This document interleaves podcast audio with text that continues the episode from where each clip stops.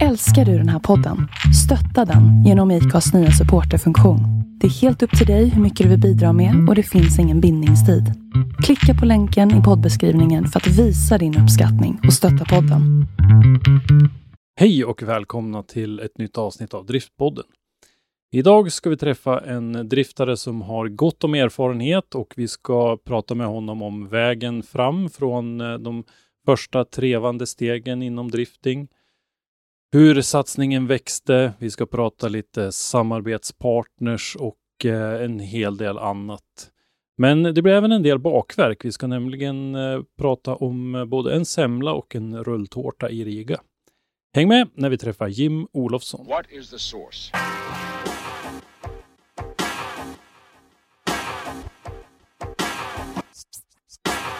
One, two, three, set it!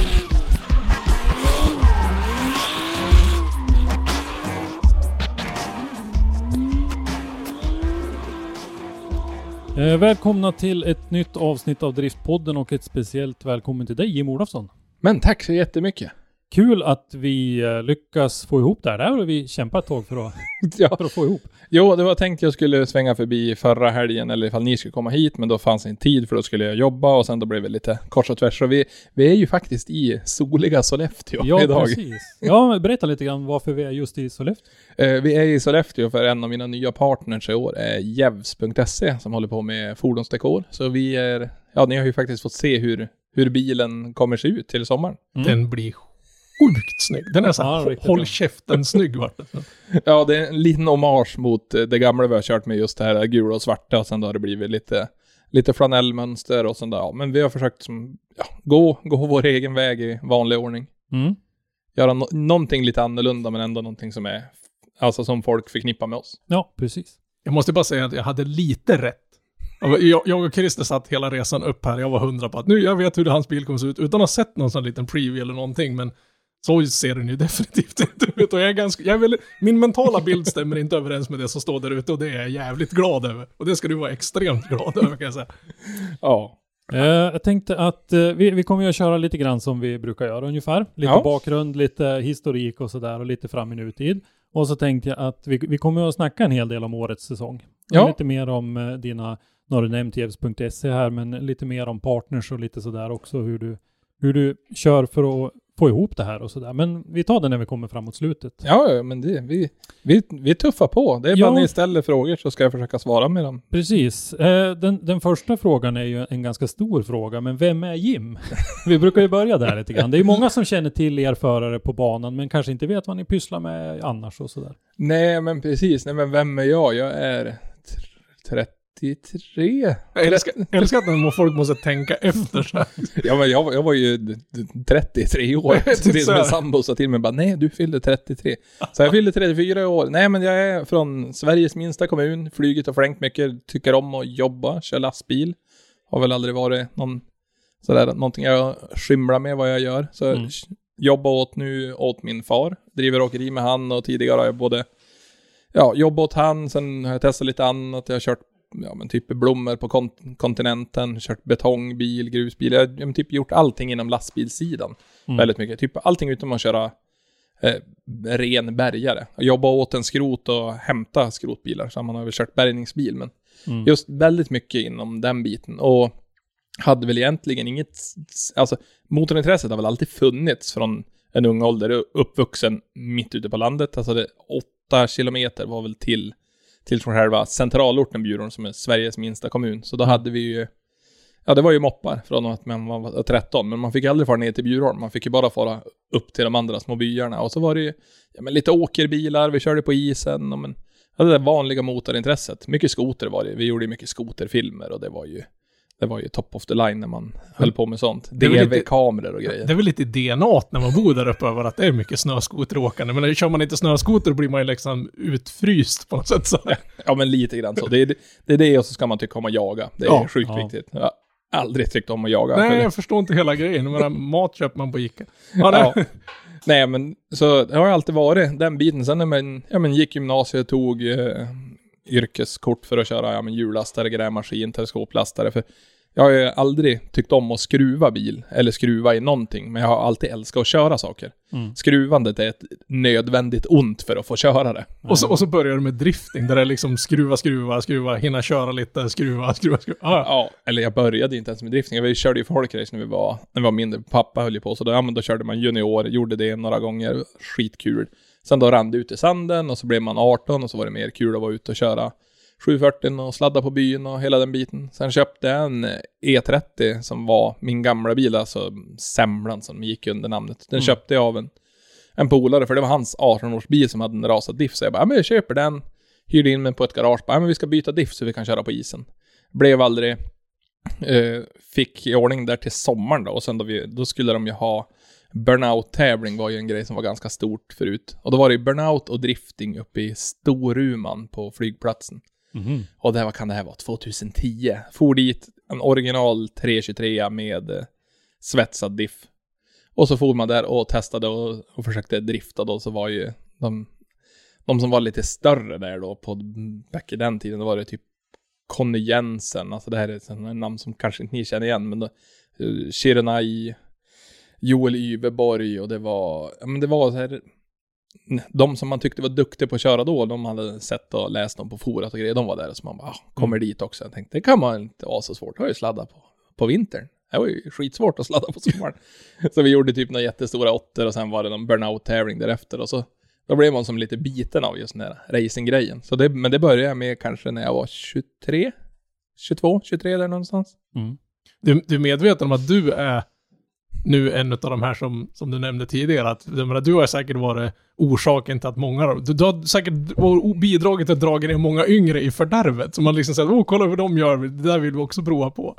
Ja, det har säkert blivit det. Och så som vi är här. Varför när vi, när vi började, då hade man ju, alltså nu går det ju att läsa till betydligt mer, men vi hade ju noll koll. Man visste ju de som hade trimmat lite bilar. Ni har ju haft med Rickard Ivars här tidigare. Man hade läst om han i bilsport och sådana andra kompisar kring Umeå som hade kört, ja men, nio sekunders repor. Så man visste ju att Mm. ja, men det fanns folk som trimmade, men man hade ju noll koll. Utan man gick in på PPF-forumet och Sävar Turbo och sen då bara Hur trimmar vi 323 billigast? Ja, vi ska ha de här blåa spridarna från en Saab och sen då Ja, då börjar det ju så. Uppspänd Mm. luftmassemätare och sen då Då börjar vi ju harva på det från Jag vet inte ifall det var 2009 vi höll på att börja greja med det där. Mm. Igenkänningsfaktorn är enorm kan jag säga. Ja, vi, eh, vad heter det, lite ålder och bostadsort och sånt där har vi tagit. Du har eh, sambo nu? Jajamän. Mm. Eh, Jag träffade ju hon 2018 när jag bodde i Stockholm, eller då bodde jag mer på jobbet för då tävlade jag ju på heltid. Mm. Och sen flyttade jag till Örebro och så bodde jag där i två år, två och ett halvt år och sen då flyttade vi upp till Bjurholm då för då fick hon ett nytt jobb så då flyttade vi upp. Ja, köpte villa där. Jajamän. Mm. Det är betydligt billigare än att hyra. 450 000. Mm. Va? Ja. Du köpte ett hus för 450 000 spänn? Japp. Ja, jag, jag kommer ju från inlandskommunen Ånge. Ja. Så att eh, Alltså- det, det är ju där, de, det är där husen ska ligga. Hjäl, hjälper du mig att packa när vi kommer hem sen? För, Jesus. Ja, ja. Ja. Ja, men jag tror huset kost- kostar typ så här 1500 spänn i månaden. Mm. Alltså du, det, får ju, du får ju nästan betalt för att bo. Alltså jag tror nästan, du, du är ju uppe, det du bor för, det är vad en del människor betalar för en PR-ruta liksom. ja, ja. Nej, men det, Nej men det var, det var ju en eh, på eh, gamla Radio Riks. Så var Gert Fylking med en gång. Han skulle hyra någon sånt där Shurgard-förråd för att förvara ett antal kubikmeter grejer. ja. Och då, då kom han fram till att han kunde köpa ett hus i Ånge. Japp. Billigare än att hyra det där jävla Shurgard-förrådet. Ja, det är ju helt bisarrt. Jo, men det är Sveriges minsta kommun i Ja, men- men du- obygden. Men du har ju massa natur och frihet och grejer. Du behöver inte gå ut och stypa över någon grannungens cykel som ligger direkt utanför din entrédörr och sådana saker. Nej, men alltså vi har ju skoterleden, typ går till vårat hus. Mm. Ja, nej, det är ju det där med arbete som kan vara lite knivigt, men det, det har ju du löst i alla fall. Ja.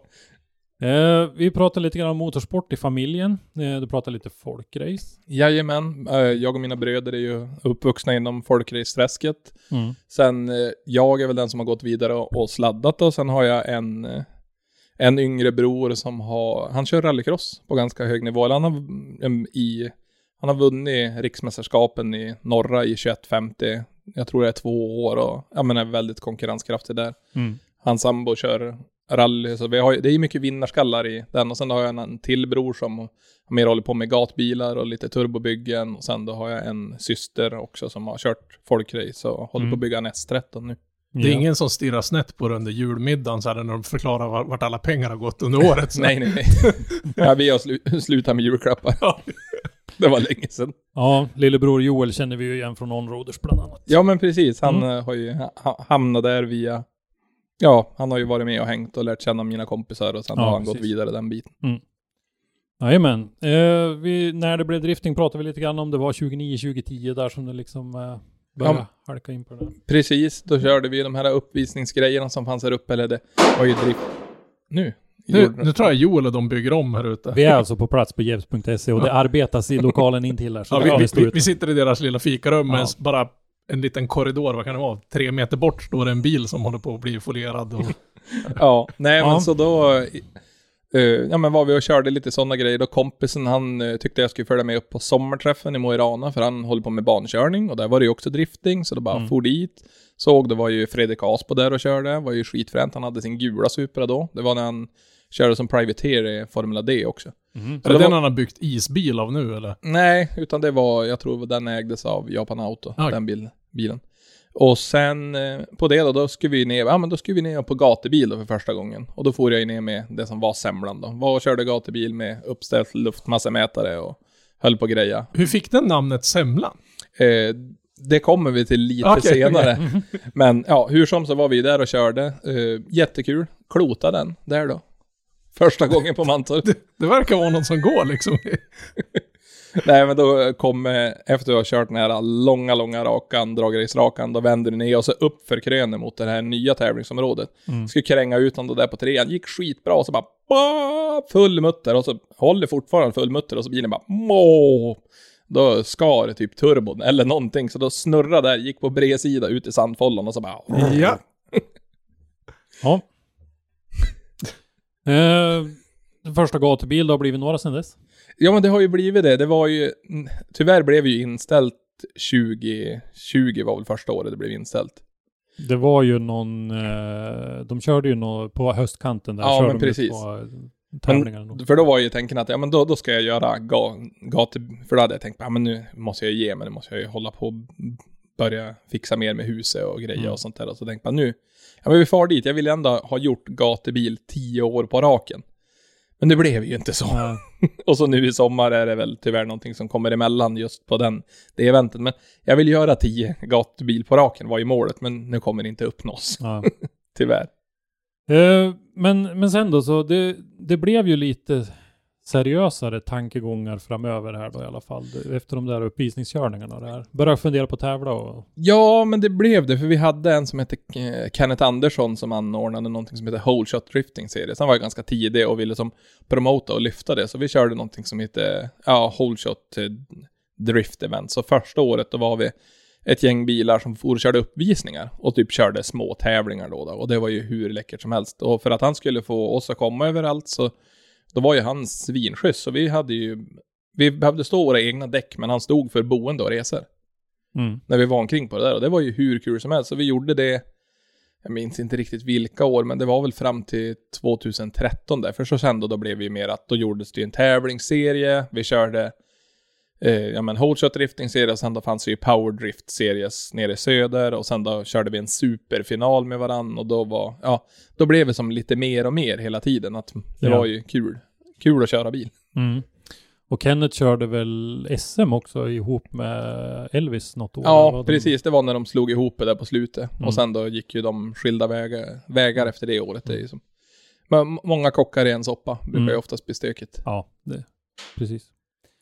Eh, men eh, vi pratade semlan var första bilen ja, och eh, men sen så började du känna att det var läge för en, för en ny bil då?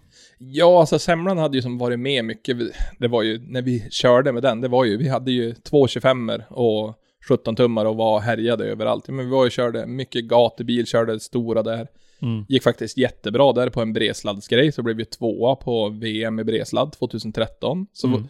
sen då tänkte vi bara, ja men vad tufft, det var ju kul. Fan, ska vi fara till Riga? Så bara, ja vad kostar en båtbiljett? vad, vad kostar det att köra? Bara, ja 500 euro. Så bara, okej, For över, alltså noll koll. Man hade bara sett Leif Hausenman på YouTube och ville vara värst ladda djävulen när han körde baklänges in med rätten i väggen. Mm. Så, nej men så då var, det blev det så här lite mer och mer tävlingar och sen då smällde vi den bilen 2015 blev den ju ganska tilltygad och då innan den bilen ens var smälld så hade vi hade jag ju redan börjat bygga en E46 som jag valde att, ja men det, jag kommer inte gå vidare med den utan det kommer att bli att bygga en ny E30.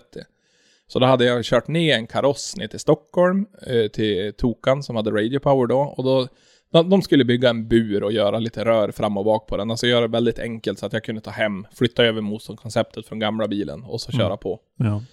Och sen, eh, då smällde vi ju bilen på, med Ivars på en gatubil där då, 2015. Och så, ja, då blev vi bara pären av den. Och sen då började jag prata med lite mer sponsorer och grejer och så blev Tokan lite mer och mer drivande och så tyckte han bara, men ska du inte köra för Radio Power Motorsport nästa år så bygger vi hela bilen. Och så vi bara, ja men, då, då kör, körde vi linan ut. Lite svårt att tacka nej till en sån deal liksom. Ja, alltså det var ju, det var en bra deal men det krävdes ändå extremt mycket av mig också. Så då, då var jag i det skedet i livet, då hade jag ingen sambo eller någonting utan då hade jag, då var det jag he bort lägenheten, he bort allting. Så jag bodde på jobbet under, en, under tre års tid, för då veckopendlade jag ner till Stockholm.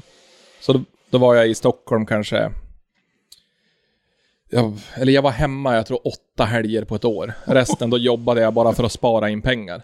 Så då, ja men sov i lastbilen, bodde i lastbilen, lyckades fixa så jag hyrde ett eh, boende i, i Stockholm då som var extremt billigt och sen alla pengar gick bara till att bygga den här bilen. Så då hjälpte ju Tokan mig att bygga i, i ordning själva grundplattformen. Sen for bilen till Johan Halvarsson i Ludvika som har varit en av mina större förebilder och en av mina bättre vänner inom racingen. Gjorde han grenrör, insug, alltihop. Tillbaka till Stockholm, satte ihop den för Elmia. Stod på Elmia, då var den gul och ja men såg, såg bra ut. Och sen då for den vidare till Kalle på C-part, på C-parts garage. Och han gjorde klart elen, fixade allting runt omkring. Dynotech hade byggt en motor åt mig.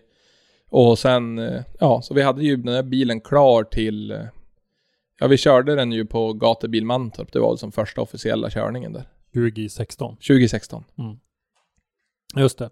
Eh, och då, då kände du att du hade, det var ett mera genomtänkt bilkoncept liksom, för att hänga med lite. Ja, alltså det var ju så, ja men då hade vi bytt till en bättre bakaxel så det skulle hålla. Vi hade bytt till den här större BMW-växellådan och så hade vi ju faktiskt en SMID-motor. Tidigare har jag ju bara kört med ARP-bultar och bytt toppackning och haft ett insprutningssystem och det har ju fungerat.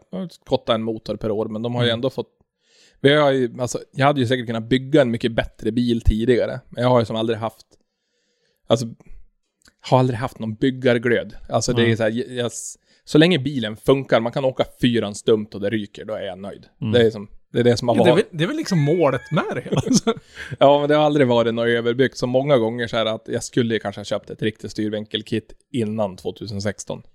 Till den nya bilen. För den gamla bilen, då var det några, ja men spindlar vi hade svetsat själv, förlängt några bärarmar, så gick de sönder eftersom. Så då fick jag ett par bärarmar av Driftlab som är Martin Enemar och hans eh, sambo Emily. Så då fixade de ett par riktiga bärarmar, då höll det ju bättre, men alltså vi har, som, vi har tyckt om att köra bil. Så jag tror det gatubil vi körde mest bil med, med gamla, det var ju när gatubil var i sina glansdagar enligt mig, typ 2014, 15 när allting bara, eller 2013, 14 när allting bara var nytt och sådär. Mm. Då hade vi ju garageplatser och vi fick snabbt ut på banan och sånt där. Så på en, ett driftingpass, då hann vi köra upp åtta, åtta däck, alltså fyra setdäck per driftingpass. Mm. det är rätt hyfsat. Ja, Ja, Det är mycket, mycket sätestid en sån här. ja, men det är ju det vi har, vi har ju bara, bara jag har fått köra bil, det är det som har varit det, det roliga. Men samtidigt är det kul att höra att man, man kan ju liksom komma, uppnå en viss nivå utan att gå bananas och köpa en HGK-bil det första du gör. Alltså du, du kan ju... Det, det, alltså det, det är egentligen ett fult ord att dra in i drifting och använda. Det går ju att hålla det på en vettig budget och fortfarande ha roligt. Ja, alltså framförallt så länge... Nu är det ju en helt annan sak när du ska vara konkurrenskraftig nu jämfört med då. Men det var ju som fram till 2017, alltså vi hade ju vunnit några grejer här uppe och så, men jag hade ju typ två år där jag inte vann en battle. Jag kvalade bra och så vann inte en battle på Det två måste år. vara lite knäckande ändå. Nej, alltså då, då var det mer bara, alltså, spelar roll, bara vi får träna och köra. Det är, Mm. Man tappade lite körning i stegen, men man tränar ju som en tok istället. Ja.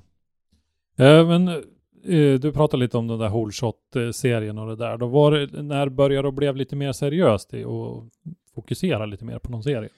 Eh, Det var väl till 2017. Då var det ju, ja men då hade vi ju kört med bilen 2016, fått allting att fungera, ja men någorlunda. 2016 då var ju en ny bil, barnsjukdomar. Mm. Vi tänkte, ja men vi bygger ju på en bil som vi har koll på. Men det var ju ändå, det var ju alltid någonting som gick sönder på varje event, eller någonting som behövde göras om för att vi, vi hade inte kommit till det steget på bilen på grund av att eventerna tog ju slut eftersom. Mm. Så då var det ju 2017, då tänkte vi, ja men nu ska vi köra SM och så körde vi GDS. Och det var, det var ju faktiskt Det året... var ju det året, vi brukar ju repetera det, men det var ju det året när de kördes ihop.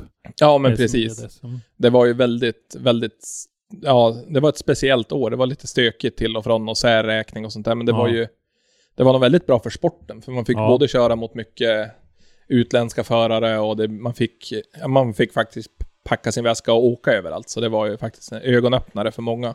Sen vet jag att till exempel Mattias Jönsson har pratat om att anledningen till att man valde att göra sådär var bland annat för att man skulle kunna visa på gatubils publiksiffror i SM. Ja men precis. För, för er förare att möta s- samarbetspartners och sådär, att man, man visar att vi har, vi har de här publiksiffrorna. Ja men och så Det var en av likadant. grejerna man ville uppnå. Ja, och så likadant för att serien skulle få in mer, eh, mer sponsorer och så också på grund av Mm. att det har ju jag varit väldigt för under en lång tid, men tyvärr har det inte hänt förrän nu då. Att man ska ha en äkta promotor för serien. Så som Ja. när eh, mm, eh, Långe Micke, Andreas som drev Radio Power och Johan på Gröndal när de drev som Drift SM 2016, 15 där.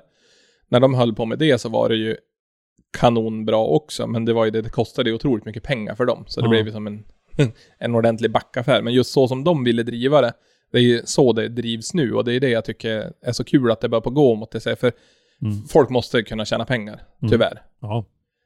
Och ska man ha rätta drivet så. Ja, ja, ja. Jo, men Mm. alltså ska, ska det läggas ner den här otroliga energin som alla, alla gör bakom en serie så måste den drivas på det här viset. Ja. Ja men jag håller helt med. Eh, så, men, men den säsongen blev ju väldigt lyckad för din del. Ja, för då, då började det ju faktiskt släppa lite grann. Bilen fungerade bra, vi körde på R-däck hela tiden så det fungerade också bra. Så SM slutade vi med en tredje plats och GDS tror jag vi slutade på en fjärde, eller å- nej åttonde tror jag vi slutade på då där. Mm. Och sen då var vi ju över till... Un, nej, jag tror aldrig jag var över till Riga det året. Men jag har varit i Riga typ fyra år eller fem år. Mm. Ja men trea i SM det året, det var ju det året som eh, Pavel Korpelinski vann. Alexander Granlund var tvåa. Ja, och så jag och sen då undra om det var Jocke Gran på fjärde Ja, plats eller det stämmer nog. ja. Och det var väldigt tajt där uppe i pallplatserna. Så att Ja, säga. för jag vet vi var ju där och körde och sen, för jag missade ju en tävling då också tror jag det var på GDS-delen. På, ja, det var någonting som var så här. Så jag hade inte möjlighet att fara eller ja, ifall inte ekonomin fanns där. För det är oftast det, man sitter ju och trollar med knäna. Mm. Då hade man ju ingen sambo eller någonting att ta ett eh, ansvar för eller som behövde. Och ta pengar av trodde du. Ja, Nej. precis. Nej, så, så har det väl aldrig varit. Att jag har tagit pengar av någon jag har bott med för att kunna hålla på. Men just det att det, det fanns väl inte fysisk möjlighet att fara Mm. de gångerna. Men så 2017 var ett jät- jättebra år. Då blev jag så här riktigt taggad på att tävla. Och då har jag haft mina sponsorer som jag har haft ganska länge. Till exempel som både Payback, Simson och eh, alltså eh, Radio Power var ju med då också. För Radio Power var ju med på min första bil. Fick en bra dämpare till ett eh, vettig peng och likadant Simson har jag haft sedan 2011 tror jag som det var. Det har ju som bara byggt så här sakta, sakta, sakta. Mm. Och då till 2018 så fick jag ju erbjudandet via Simson då, för då skulle de köra en Europa-tour. Det var första året de skulle köra DMEC och då bara, då frågade de bara, ja men vill, vill du köra hela DMEC så då kan vi göra en deal här. Och likadant Payback hade ju också växt hela tiden. Så ville de vara med och så farsan har ju alltid velat vara med och vara lite delaktig också, även fast han tycker att det är idioti. Mm. Oftast många gånger, nej, det kostar bara pengar. Bara, ja, men vad ska vi göra med dem då? Men han är åkeriägare, jag kan den där typen. Det, går, det går aldrig bra och allting är bara tok. Ja, ja. Ja, De är sån. nej men så då, då fick jag erbjudande där att vi skulle få, att jag skulle köra på heltid. Mm. Och min deal där för att jag skulle få det så var det ju att jag var ju ansvarig för hela Simpsons, eh, vad heter kalender. Så jag var ju event och eh, logistikansvarig för Simpson då. Så då ju, sa jag upp mig från mitt vardagsjobb i december och så satte vi upp en budget och så bara nu ska vi köra ett helt år racing. Vi ska köra GDS, vi ska köra svenska mästerskapen och vi ska köra DMEC. Mm. Och så vi bara undrar om det här kommer gå. Alla släppte kalendrarna och så bara ingenting krockar. det, det var en sak som krockade och det var en GDS-tävling som gick när eh, en GDS-tävling när Payback skulle ha deras eh, stora så här öppet husdag, så den var jag tvungen att tyvärr missa. Men annars Mm. då, då, då, ja det passade. Mm. He, hela vägen. Och så vi bara, ja men hur ska vi lösa det här då? Då fick jag med mig Johan som driver On Roaders och så bara, ja men du får vara med helt gratis. Eh, kommer inte kunna ge dig några fysiska pengar, men alltså jag betalar så mycket jag kan för dig och så får du vara med. Alla resor, allting, allt boende. Och likadant för André då, det var han som är nu mekaniker och sköter alla, ja men allt data på min bil. Mm. Och då var han spylös på sitt jobb och så bara bollade vi fram det där och så pratade vi med hans hyresvärd så han skulle få en hyreslindring under den här tiden vi skulle köra racingen. Så då blev det en sponsor till oss som för att han inte behövde betala nog mycket hyra för Ja. att han skulle kunna haka med och för att det inte Ja. skulle kosta han så mycket. För han, det var ju också, bara, ni får vara med på det här men ni kan inte få någonting. Ja. Jag betalar så mycket jag har råd med på grund av att vi satte ju en budget och vi bara, men det här, det här borde räcka. Mm. Och det gjorde det inte. Nej. Det, det brukar ju vara Ja. som med budgetar, att de räcker ju ytterst sällan. Men, men vad liksom, det det var egentligen kan man säga eh, Simpson som väckte idén då? Ja, det var de... eh, Det är var, deras fel. Ja, det var, det, var det, JP det. på Simpson som... Ja, det var han som kom med, med idén och ja, jag har haft ett långt samarbete med dem och gjort eh, Mm. små grejer och hjälpt dem på event och sådär. Och så har vi ju växt fram en väldigt bra relation där och han, han ser ju nyttan i det jag har gjort och allting sånt där. Och sen då nu när vi har jobbat så länge med varandra så han har ju sagt det vissa gånger. Han bara, ja men jag brukar få något sponsorförslag men då brukar jag ha köra dig som måttstock. Kan du göra det bättre än Jim som vi har jobbat med tidigare? och sen då, ifall de säger ja, då vill han se hur de gör det bättre och sen då. Ja. Så han har haft det som en måttstock på Ja, slutet. Men det är väl ganska schysst. Jo, men det är för att vi har jobbat så länge med varandra, så han vet vad, vad som ger och vad som är realistiskt när man sätter upp ett mål för en säsong. För han har ju själv tävlat inom dragrace i många år. Ja. Men eh, vi kanske ska nämna det också, du säger att eh, Simpson skulle köra DMEC. De eh, var ju officiell eh, säkerhetspartner Ja, för DMEC. precis, för det var ju första året de skulle köra DMEC och det skulle ju bli den här stora serien istället för Drift Allstar som det har varit Ja, tidigare. Eller Drift GP som det hette.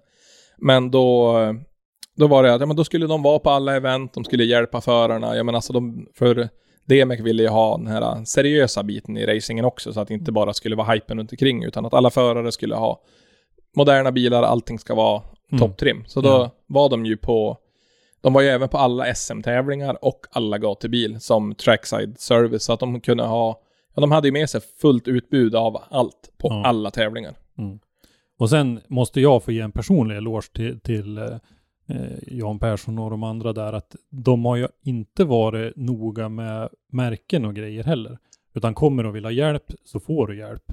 Även fast du kanske inte är deras kund egentligen. Ja, men det är ju så som de har haft som måttstock. De vill ju bara ha motorsporten så sä säker som möjligt. Kommer Ja. du med ett annat märke och säger han bara, det, spelar oftast, det spelar mindre roll vad du har för märke på dina grejer. Mm. Det är mer hur du använder det. Ja. Och det har han ju varit väldigt bra, så då har han ju sagt så här, bara, ja men vi kommer, vi hjälper dig, fixar till. Och sen då när de inser bara, ja men nu, nu är jag så bra jag kan vara i de här grejerna. Vill jag vara bättre eller få bättre support, då pratar man med dem. Ja, det är en lit, liten dyrare peng att köpa det, men det är Mm. otroligt mycket mer kvalitet och service man Ja. får från dem. Men jag tycker ändå det är stort av dem att Ja. hjälpa till på det där viset. Det, det märks. Det är ett, ett stort motorsporthjärta. Ja, För det, det är så lätt för dem liksom att bara borsta bort det. Men du, Ja. har, du har en bälghjälm, då får du gå, gå dit istället. Nej, nej, Ga- nej. Gas liksom. Ja, nej men det, det är riktigt bra. Eh, och eh, som sagt, så du körde ju deras trailer och sådär och hade ju den biten då Ja, men runt på alla de precis. här tävlingarna. Ja, vi körde ju, ja, vad, vad var det vi gjorde? Vi gjorde 22 tävlingshelger och vi gjorde 44 bandagar på sex månader. Mm. Och då var det, alltså då hade vi några testdagar och grejer också, men jag körde bil i typ 60 dagar den, det halvåret. Mm. Så det var också en, Ja, en spännande resa.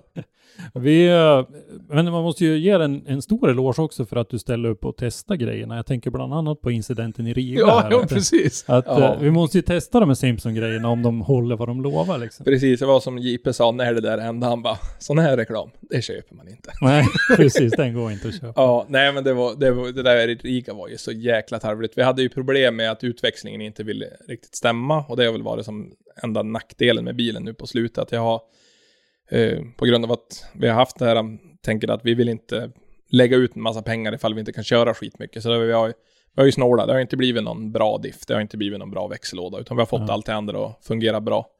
Så vi hade lite problem med att han gick lite för fort på växeln där mot för fästet vi hade och så bara, ja men körde och så var det ju mitt dags, eller dags för kvalet då. Men det som hände det var ju att tre bilar innan var det en som sprängde diffen. Mm. Och han sp- spolade ut det i första böj och lite grann i andra, där sanerade de ju. Sen körde han ju rakt, så då blev det ju inget spel tills han svängde där jag åkte av då, på ytterzon där inte så många hade åkt innan mig då. Mm. Så när jag kommer där, full mutter och så gick inte riktigt nog djupt i första, eller första andra gick bra, tredje inte riktigt nog djupt och så när man gör den långa överläggningen mot det som var hoppet förut, då kom jag ju lite för mitt på banan sen då översköt lite grann så jag kommer långt ut och där var det bara man kollar på videon riktigt noga så ser man bara full rökutveckling och så bara ingen Mm. rökutveckling. Och så gör jag det dumma att jag fortsätter ju inte hålla full gas. Så när jag kliver över kurben och landar, då står ju hjulen stilla på grund av att jag tänkte att jag skulle dra runt bilen och åka baklänges över det där och studsa lite grann. Mm. Men nu blev det att jag åkte sidan, högg tag och så slog vi runt bilen tre varv. Mm. Då är man ganska glad att man haft Simpson som samarbetspartner ett tag. Jo, det var som han sa efter det där. Han sa att många bilar som är här, på grund av att det var många som inte riktigt ville lyssna på dem, de hade ju inte gått härifrån med en liten blånad på vänster ben för att du slog dem mot burör, utan de hade ju varit betydligt sämre skick. Var det Ja. allt? Ja, ja, det var lite, lite blå på vänster ben för att det slog mot burröret och sen jag var, hade lite ont i, vad heter ryggen och nacken på grund av att det, blir- men det blir ju sån jävla, så mycket kraft just när det händer. Mm. Jo men alltså att någon överhuvudtaget tar sig ur en sån bil efter, för vi pratar inte bara att du tippar upp på högkant och så fick de peta upp en dörr, utan att Nej. Ja, vi hade ju så pass, alltså tur i oturen att det var ju så mycket energi när det hände, så när det högg, högg fast var det ju aldrig att han slog riktigt uppe på taket, utan han slog ju i kanterna på bilen, så det tog ju mycket stötdämpare och chassi fick ju mycket smällar av det för att han roterade ju så pass fort. Mm. Men det, det, var, det var en upplevelse. man mår ju liksom Ja. fysiskt illa av att se den där grejen. Alltså det, det, det är fränt när det går åt skogen, för det, det ser spektakulärt ut, men man, just den grejen, den är inte frän, den är bara jävligt otäck att se på. Sen tack och lov vet man att, att killen i den där bilen, han sitter här nu och ser inte allt för skadad ut. Nej, men hur, så hur det är mentalt, det kan jag inte tala för, men, men du gick ju hit av egen fri vilja så att säga. Men, Ja, nej men det var, det var, det var en hård smäll och det skapade ju ganska mycket rubriker och grejer där då, men alltså vi, vi försökte ju få i ordning bilen på plats för att ja, men vi, vi kör ett ryck och försöker få ihop den och vi fick den ju nästan körbar. Eh, vi var ju och körde den precis när det var våran tur att köra. Och sen, eh, ja, då packade vi ihop på grund av att den ble, det blev ju inte riktigt hundra. Så då tog vi den tillbaka till Sverige igen. Tog färjan över på måndag morgon, landade med den i Stockholm, for direkt till Tokan som eh, då hade slutat på Radio Power och startat eget bolag som heter SSI, Stockholm Speed Industry. For dit, rev isär bilen, tog isär massa grejer, så hällde, hällde dit det nya Weissfabet, eh, ja men allt sånt där och sen då körde vi med den på på torsdagen i, på Gröndal, Mm. för på fredag, lördag hade vi tävling för SM igen. och jag hade ju Mm. förväntat mig att de skulle lyfta av en med någon sån här timmerklo och bara släppa ner någonting. Men när jag gick förbi där, då stod den och bytte däck. Som att liksom såhär, jaha. Ja. Ingenting har hänt. Det var så, den var lite små skav på den och så här, men Ja, Nähä. det värsta som hände i den smällen, det var ju att vi flyttade höger stötdämpartorn typ 15 centimeter. Så vi fick ju snitta isär bilen och dra isär den då i Stockholm och sätta dit några nya rör. Men den är ju precis så nu också. Jo men också efter Mm. den, den olyckan och sen stå startklar en vecka senare. Det Ja, men också sen då, det var ju inte det värsta, utan det var ju, ja men då körde vi ju Gröndal, gick ju sisådär, för man var ju inte riktigt nog lugn i kroppen, åkte ut mot Johan Andersson när vi körde topp 4 eller någonting sånt där.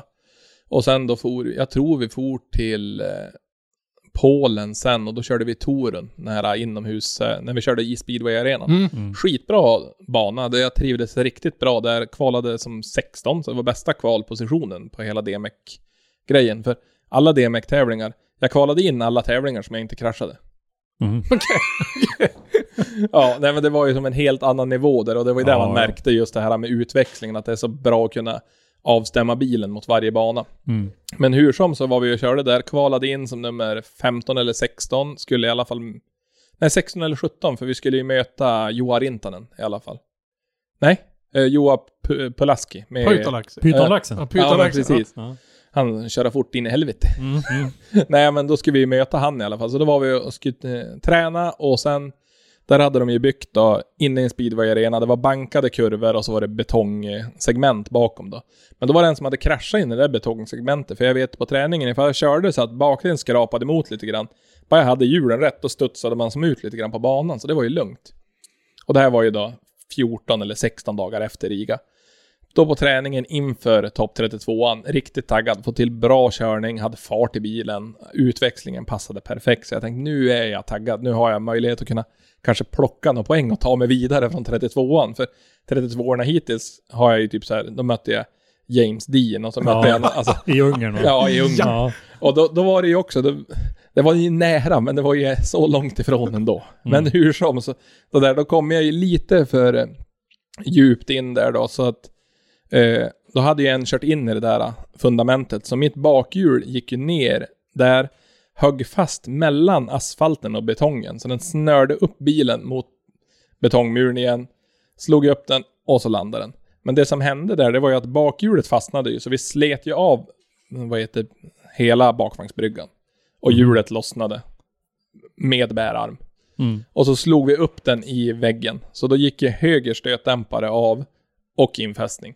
Och så när den landade så gick vänster stötdämpare av. Så när vi skulle därifrån så var det bakvagnen helt borta. Bägge dämparna fram var helt borta. Och eh, ja, så då fick vi typ svetsa dit en bärarm med plattjärn för att kunna rulla in den i trailern. Och då var ju helgen efter det vi skulle ha stora uppvisningen för Payback, så vi tänkte bara hur gör vi det här då? Så då var det bara att sätta sig på färjan från Polen upp till Umeå, riva isär bilen, bygga ihop den. Lördag morgon stod vi klara då igen på, på vad heter Payback. Mm. För vi hade ju räknat det året på att ja, men vi ska ha, vi har 100 000 som vi ska köra sönder för i sommar. Och folk bara, du måste ju ha kört sönder för så mycket mer. Så vi bara, nej, för motorn höll ju. Det var ju, Ja. det, vi hade ju räknat med ett motorskott. Det var ju mycket grejer som gick sönder och sådär. Men vi kom aldrig riktigt upp över det vi hade tänkt att vi skulle krascha för. Eller köra Det, sönder det, för. det är väl positivt att liksom, och, och, och klara den budgeten så att säga. Ja, sen räknade vi bort oss på både, både färger, bränsle och däck sen. Mm. I slutåret, så den sommaren åkte vi färja för 136 000 plus moms. Herregud. Bara, fär, bara färjan. Mm. Så det, det, det, vi hade räknat, alltså, nu minns jag inte exakta siffrorna, men jag har det på en PD, pdf-fil hemma, men vi hade räknat på att den sommaren skulle kosta racingmässigt med resor och alltihop, det skulle kosta ungefär 850 000 hade vi räknat på, eller ungefär 850 000 till en miljon. Där hade vi lagt oss. Det slutade på 1,4 och för att vi skulle kunna då köra 2019 på det sättet vi ville, då behövde vi en miljon till på det utan att byta bil. Mm. Oh, Så det var därför vi då efter då 2018, det gick ju bra. Vi blev fyra i SM, fyra i GDS eh, och sen då blev vi, Med, med vinst eh, i sista deltävlingen. ja, vi, vinst i sista deltävlingen. Jag tror vi, ja men det gick ju, jag blev tvåa, trea i SM, så det hade gått svinbra hela sommaren ändå. Och så eh, DMEcken slutade vi, jag tror det var typ så här 19 plats eller någonting. På grund av att vi kvalade ju alla tävlingar. Mm. tog mig till topp 16 en eller två gånger tror jag.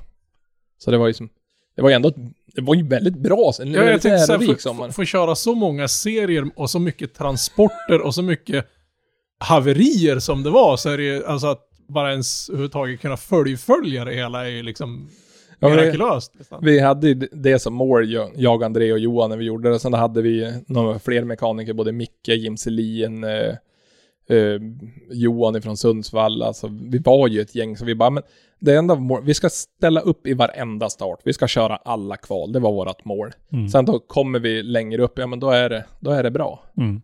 Så att för, nog, alltså det, som sagt, alla vill vinna. Det är självklart, men det har som aldrig riktigt varit våran målsättning. Våran målsättning är alltid kunna fortsätta köra. Mm. Vill, vill jag då tro att det är.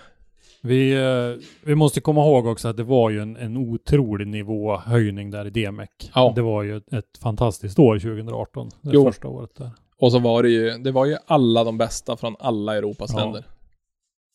Ja, och Och så jag. Ja. Ja, det är alltså det. Nej, men alltså på något sätt då, som gammal tävlingsnörd, så man, man, man vill ju ändå vinna, fast man ser att det här motståndet är så kopiöst övermäktigt, men man, man får ju aldrig ge upp ändå. Eller? Nej, men också vi, vi ville ju bara... Det var ju som, vi, vi tog ju 2018, för vi hade ju en plan. Vi skulle ju köra 2019 DMEC också. Mm. Och då, då skulle vi köra DMEC och SM, inte gatubil.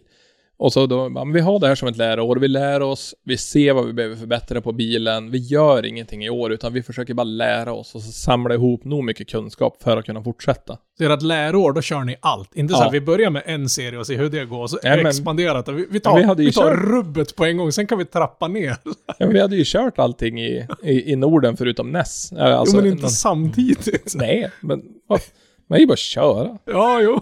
Så att, men då hade vi väl liksom inget riktigt konsekvenstänk där och vi hade en bra backning. Så det var ju som, ja men vi, vi körde på det och det, i slutet på året, det var, man stod inte med några jättelån eller några grejer, utan det var så här bara, men allt är betalt, alla sponsorer är jättenöjda. Vi pratade med alla sponsorer och så bara, jag vill göra det nästa år, men vi, jag får inte ihop budgeten på att göra det sättet jag vill, så då väljer jag att backa av. Och så alla sponsorer bara, ja men det, det är lugnt, vi förstår dig. Är- typ vissa tyckte väl bara, åh, skönt.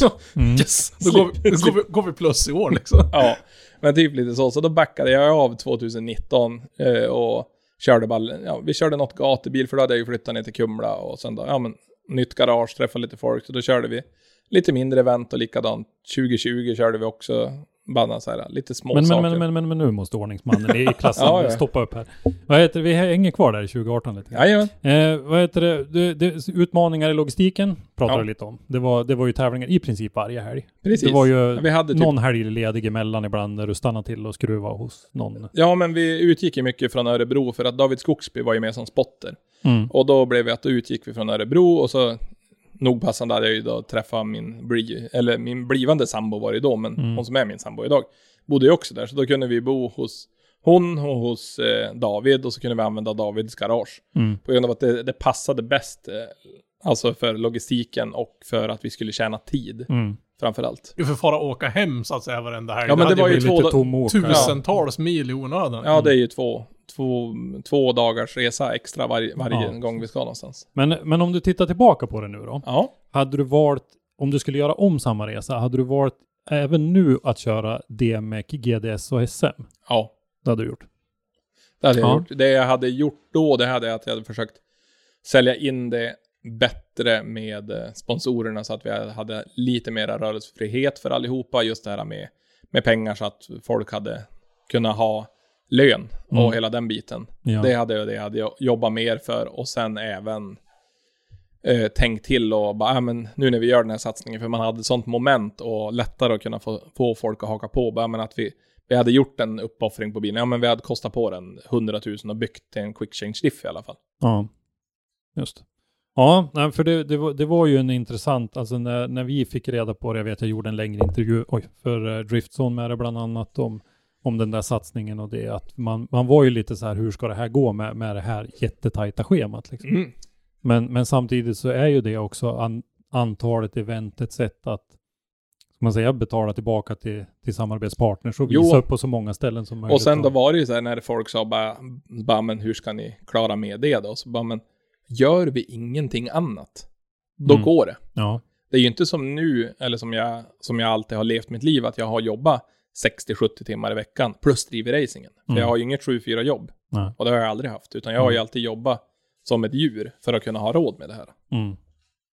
Eh, jag vill återanknyta lite grann till Riga-smällen också. Eh, vad, hur, hur mycket skulle du säga att en sån där grej påverkar dig och, och teamet liksom? Både om man ser det finansiellt, medicinskt och mentalt. Om Man, man, för det påverkar ju alla tre de bitarna. Ja, finansiellt så blev det ju inte så farligt, för då, då gjorde vi en grej som jag har så, jag har lite ångest över att vi gjorde det också. Det var ju så här, men vi, vi bara, ja, men på grund av att schemat var så tajt som det var, resekostnaderna hade skenat, så budgeten var ju halvspräckt redan. Så då fick vi ju så här, ja men då, då gjorde vi ett så här lite shoutout. Bara, ja, men ni som vill hjälpa oss att komma till nästa tävling, ni får gärna, ja men ge ett bidrag. Så då fick vi ett otroligt stöd där. Så då, Mm. då hade vi ju alla, alla delar betalade. Och jag, ja, det var jättefint alla som gjorde det, men så här efteråt så tänker jag bara varför ska andra betala för min hobby? Det var ju så jäkla dumt. Tänkte jag. Men det var, det var en sån här extrem grej som hände. Det var inte att vi bara för att komma ut på banan, utan vi hade gjort en halv säsong. Vi hade gjort 15 tävlingar redan. Det var så här ganska tungrot. Och så jag kollade av det med alla mina sponsorer före vi la ut det där också. Bara, är det okej om jag gör en sån här grej? Eller vill ni gå in med någonting också? Och det var ju flera av sponsorerna bara, ja, men vi går in med en slant också. Ja. Det är ingen fara.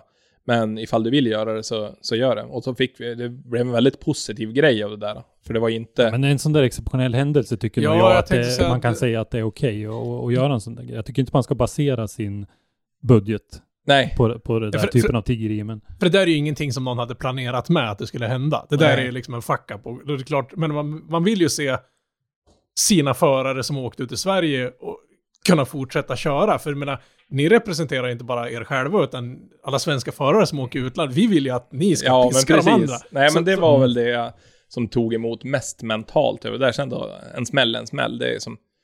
Det, men det, det var ju ingen liten, hur liksom borstar man av sig det där när man, när man ligger dagen efter och inser vad fan var det som hände? Du har aldrig liksom tänkt på att är det här någonting jag ska hålla på med? Nja, det tog aldrig riktigt em- emot på det viset. Utan det var ju mer så här att man bara, ah, det är ju tungt mot alla sponsorer att nu har man kraschat. Hela den biten tog emot. Men det är så här bara, men det är ju bara att borsta av sig och köra på. Och sen då att vi hade ju, vi var ju inte i den sitsen så att vi bara borstade av oss och körde på och körde in oss i ett, ett ont eh, broskt hål med massa, massa kostnader som vi inte skulle klara av. För nej. det är någonting som jag har varit väldigt mån om att när jag tar på mig saker så vill jag, jag vill, jag vill inte skuldsätta mig till den grad som jag vet att flera har gjort genom åren så att man inte har råd att kunna fortsätta.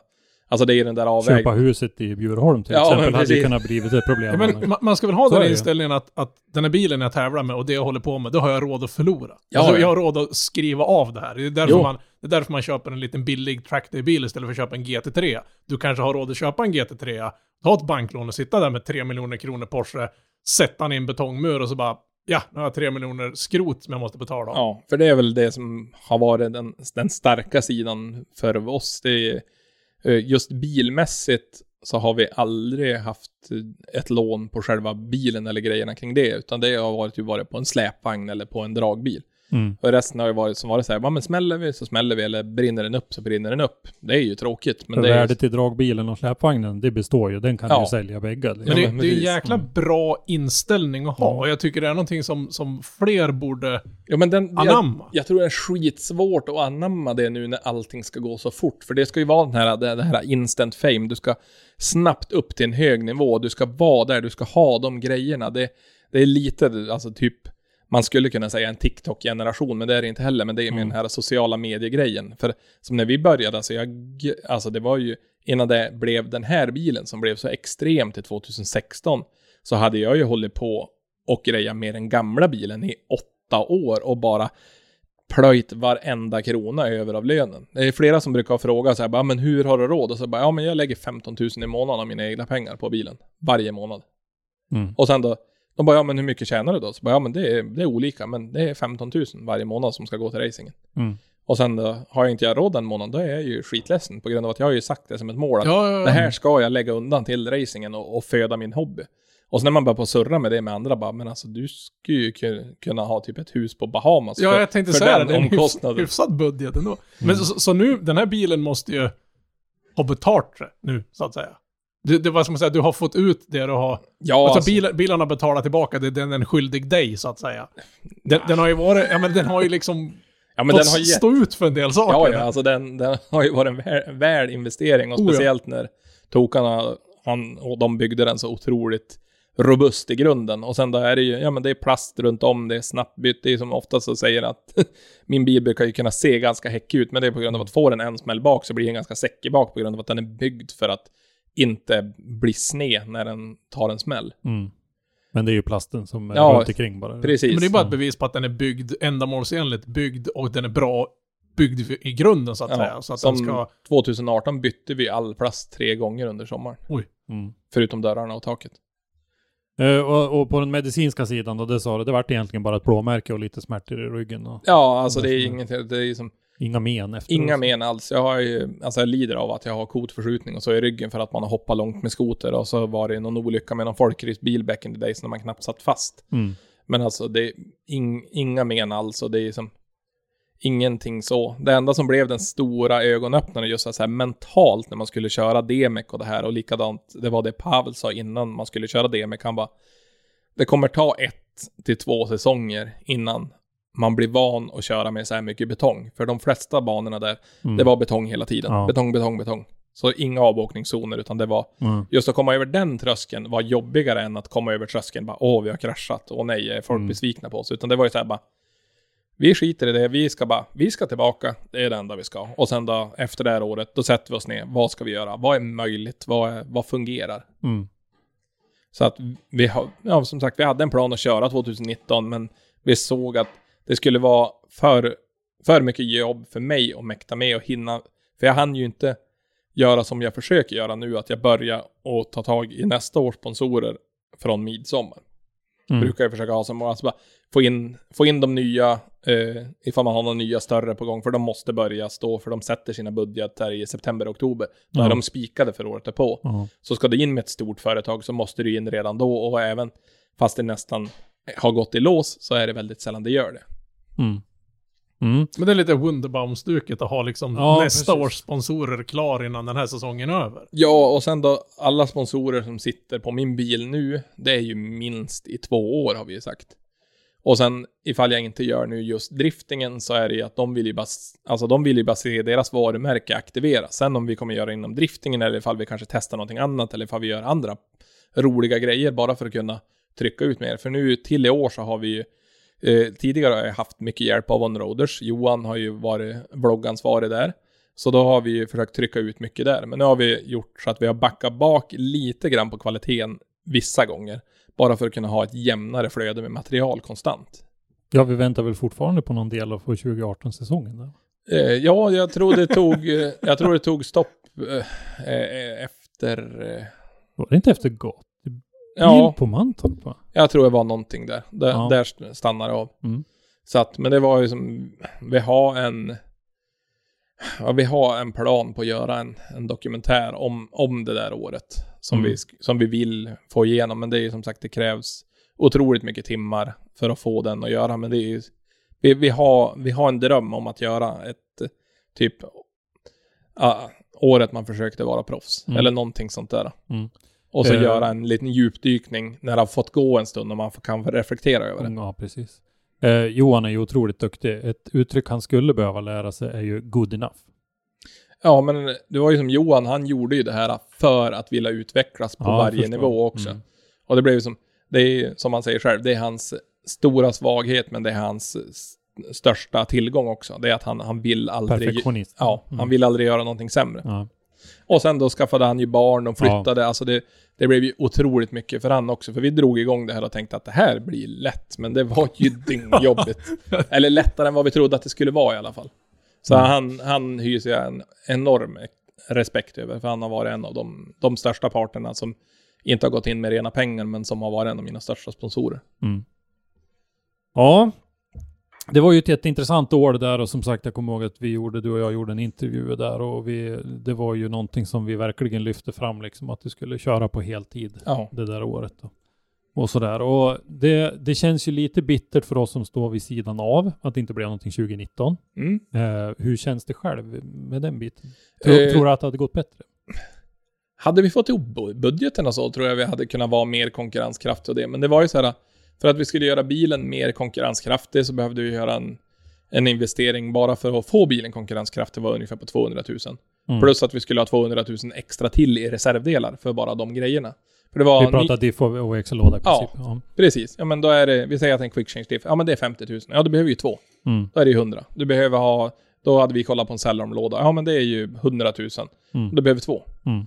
Och då ska du ha en extra kardan, allt det där. Alltså, nog tror jag vi hade nog gjort det bättre med de kunskaperna vi hade. För min körning växte ju nog otroligt under den perioden också. Mm. På grund av att man fick köra med de bästa. Och det var ju så här, bara, men det är ju bara att anpassa sig eller inte vara med. Mm. Är det ett schysst träningsläger att sticka iväg och åka DMEC? Ja, ja men det kan man verkligen säga. De, och de kör så otroligt fort och likadant så kör de mycket, mycket fortare nu också. Så Mm. det är, de har ju inte direkt stannat av, i, i, av alltså hur de har gjort. Så det kommer vara väldigt intressant i, nu i sommar när de kommer vara i Skellefteå. Ifall eh, de kommer ha möjlighet till många svenska wildcards, ifall man kommer få en chans att köra eller hur, hur det kommer bli. Mm. Men intresset finns där i alla fall. Intresset finns från din sida och, och vara med som wildcard på DMX. Ja, men det, nog tycker jag det. Den, den som står och studsar mest av oss i teamet är väl Joel. Han Mm. vill verkligen att vi ska köra där. Och jag har sagt, ja, ja. men har vi, får vi möjligheten och så här och så kanske att man kan få fara och testa och se, funkar ens vår utveckling som vi har nu så att vi kan vara där och vara På konkurrenskraftiga. banan tänker du? Ja. Mm. För de kommer ju ha lite frikörningar och grejer. Så då Mm. tänkte, då hade vi tänkt testa det. Och här kommer cateringfirman in Ja, med, med mm. lite läsk. Tack! Nu kommer Joel med Monster. Gott. äldre kanske inte får dricka. De, de äldre kanske inte får dricka energidryck säger han, lillpojken. Ja. Sm, små Ja. hjärtslagen. Nej men så det är... Ja men alltså... jag- Nå finns det alltid drömmar om att man skulle kunna vilja vara konkurrenskraftig i DMEC. Alltså det hade, varit, nu hade det varit en dröm att kunna göra det. Men jag ser den är väldigt svår att uppnå på det sättet jag vill sköta det. Mm. Ja, eh, vi eh, återkopplar lite grann också bak till eh, 2017, en, en sån där grej som jag brukar prata om ofta, RM-finalen på Mm. Gröndal. Då var ju du där Ja men precis. och hade lite föreläsning för de här yngre killarna som var på väg upp då. då. Ja men det är alltså... Själv har man ju fått lära sig allting. Alltså jag har haft en jättebra mentor med Jan Persson och många andra företag som jag jobbar med. Bara hur, hur vill ni att jag ska jobba? Hur hela den biten. Och sen då har jag haft mina större förebilder, både Fredrik Sjödin från Sundsvall och vad heter Johan Halvarsson har ju varit... Johan Halvarsson var ju så långt före sin tid med både R-däck och riktig växellåda och grejer. Det hade han ju när de kvaddade bilen 2000 eh, fem, nej 14 eller någonting sånt där när de var i, alltså han var ju så långt före sin tid och så har jag ju pratat mycket med dem, bara hur tycker man ska göra? Jag har varit på själv mycket föreläsningar och så här, bara, men hur ska man jobba med sponsorer?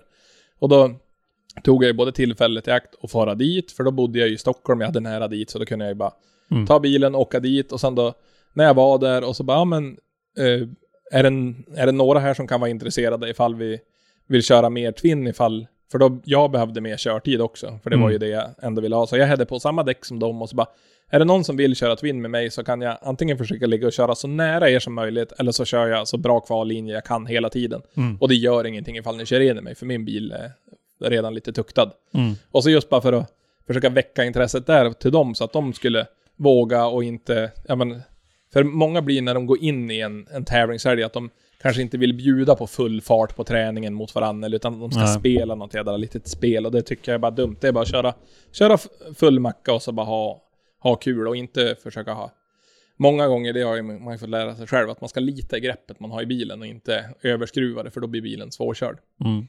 Så, nej men så då var jag där och sen då, det blev mer som en så här liten spontan grej. Då tänkte jag bara, men alltså, ifall jag hade varit nu de här, när man gick omkring där och surrade, bara vad, vad hade man velat veta? Bara, ja men jag kan väl ge den pitchen som jag har, bara hur ska ni tänka med sponsorer? Och då är det ju så här, ja men typ en sån enkel grej, så som jag har nu via, eh, via något företag, så då är det så bara, ja, men vart jobbar de som mek åt mig? Ja men de jobbar åt de här företagen. Så bara, ja, men då kan jag ju prata med dem. Bara, ja, hej, du, vi kör ju racing. Han som jobbar åt dig är jätteduktig och hjälper mig otroligt mycket. Och så de bara, ja, men det är jättekul. Ja, skulle ni vilja vara med och sponsra? Och så de bara, ja, och så bara, ja, men det enda ni behöver göra, det är att han, vi är ju borta sex helger. Kan han få sex extra semesterdagar? Mm. För då, varje fredag som han följer med, behöver inte han ta ledigt från jobbet eller offra sin semester för att följa med. Vissa företag vill det, vissa inte. Men då blir det så här, ja, men då följer de ju med och då, då känner de att de får någonting också. De får vara med utan att det kostar dem någonting. Mm. Men det blir ju en väldigt, väldigt liten kostnad för de som, som ger ganska mycket förhållandevis till per spenderad krona så att Ja, säga. ja, ja. Och då blir det ju så här, det blir ju jättekul för, för mekanikern då, för då blir det ju så här, då blir han ju indirekt en racemekaniker. Ja, ja. För han har ju betalt den dagen ja, han är ja, där. jo, jo. Mm. Men det, det är en lite schysst meritgrej att ha han sen också om han ska gå vidare och söka jobb någon annanstans. Att den säsongen så är med det där teamet. Jag menar, jag skulle anställa den meken på min verkstad. Så. Ja, men så, så då har jag försökt att göra lite sånt och så just det här att man För det är så här, många tänker bara, ja men vi måste ha spons av eh, Mishimoto och så ska de gå in med kylare och massa pengar och så bara, men det är så, det är så urmjölkat. Det är likadant, jag har ju försökt jobba jättemycket med, alltså typ eh, energidrycksbolag till exempel. Mm. Och här i Sverige så, man har ju ändå, alltså utan att slå sig för mycket på bröstet, så har man ju ett ganska bra namn inom motorsporten i Sverige. Mm. Och så pratar man med dem, man kommer upp till ledningen och så de bara Ja, men du är ju för liten. Du är alldeles för liten. Och så man bara, men det är ju ingen som är större än mig inom den här grejen. Nej. Bara, Mm. nej men du är för liten. Mm. Så de bara, nej, för allt som blir genom de här stora bolagen måste gå via deras huvudkoncern. Till exempel då ifall vi skulle säga Red Bull. Ja, men då måste man via deras huvudkontor och så bara, ja men kolla vilka atleter de har. Ja, Ja. men, då är det sådär, okej, ja men det kanske inte är lönt att gå hit. Det kanske är bättre att prata med tio stycken åkerier som går in med 5000 kronor var. Mm. Så får du ju 50 loppor istället för att du lägger ner otroligt mycket tid på ett stort företag Mm. som kräver så otroligt mycket mer tillbaka. Så att det är Och kanske kör, du kanske kör i diket med den satsningen innan den är ja. helt i hamn. Och det är ju så många som har lovat guld och gröna skogar till så många företag och så blir det ingenting. Det är ju Mm. någonting som jag är så otroligt irriterad på för då har man sålt in det som de bara ja men vi hjälpte ju den här och så man bara ja. Och så känner man igen namnet och så man bara ja men det här är ju en, en som älskar att bygga bil. Man vet Mm. de är jätteduktiga på att bygga bil men de tar sig aldrig riktigt ut. Så kan ett företag gått in med jättemycket där och sen bara men vi fick ingen utdelning av det. Ja. Så det är ju det här att kunna ge tillbaka så mycket som möjligt eh, på ett vettigt sätt så att det är försvarbart till kostnaden. Det är Mm. som vissa, de har ju såhär bara, ja men vi kan ta en hel sida på din bil och så man bara, jajamän. De bara, ja men vi erbjuder 30 000 och så jag bara, ja, du vet vad en foliering på en hel sida bil går på? Det går på 27. Så då har jag 3 000 kronor kvar. De Mm. bara, jaha.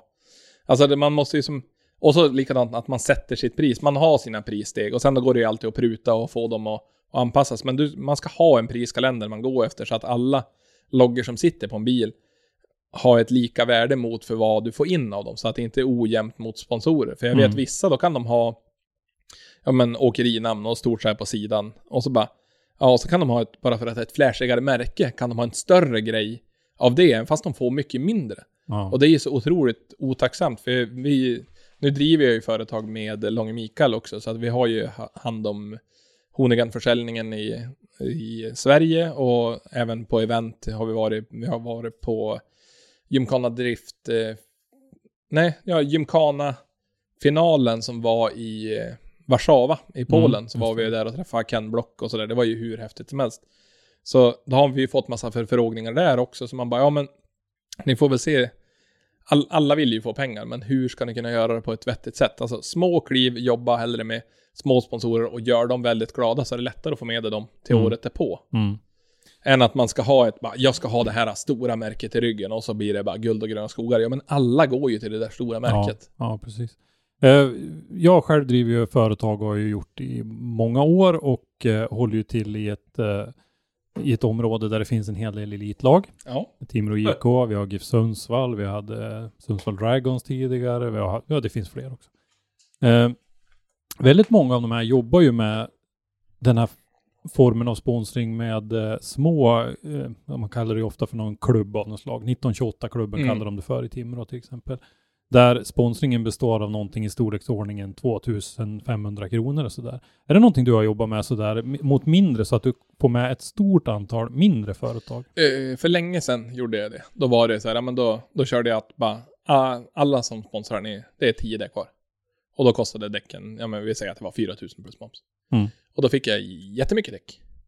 Så att, men det, nu har det blivit så här att nu vill man att de sponsorer som är med vill man lyfta på ett sånt sätt så man har inte möjlighet att göra riktigt så. Men Ja. Eh, brorsan de har ju kört något liknande inom rallycrossen och det också. Då har de ju kört eh, över hela taket, eller det är hans sambo och eh, sambo och hennes far då, de kör eh, rally och rallycross också. Då har de hela taket, skuffen och huven är små rutor. Mm. Och så säljer de varje ruta för ja, en viss peng då. Mm. Och så bara, och så bara murar de bara de där rutorna eftersom. Och så bara en bara, men jag, vill gå in med mer. Ja, men du får köpa fy, fyra rutor. Då får du ett, en stort bild bland alla mindre Ja. bilder. Mm.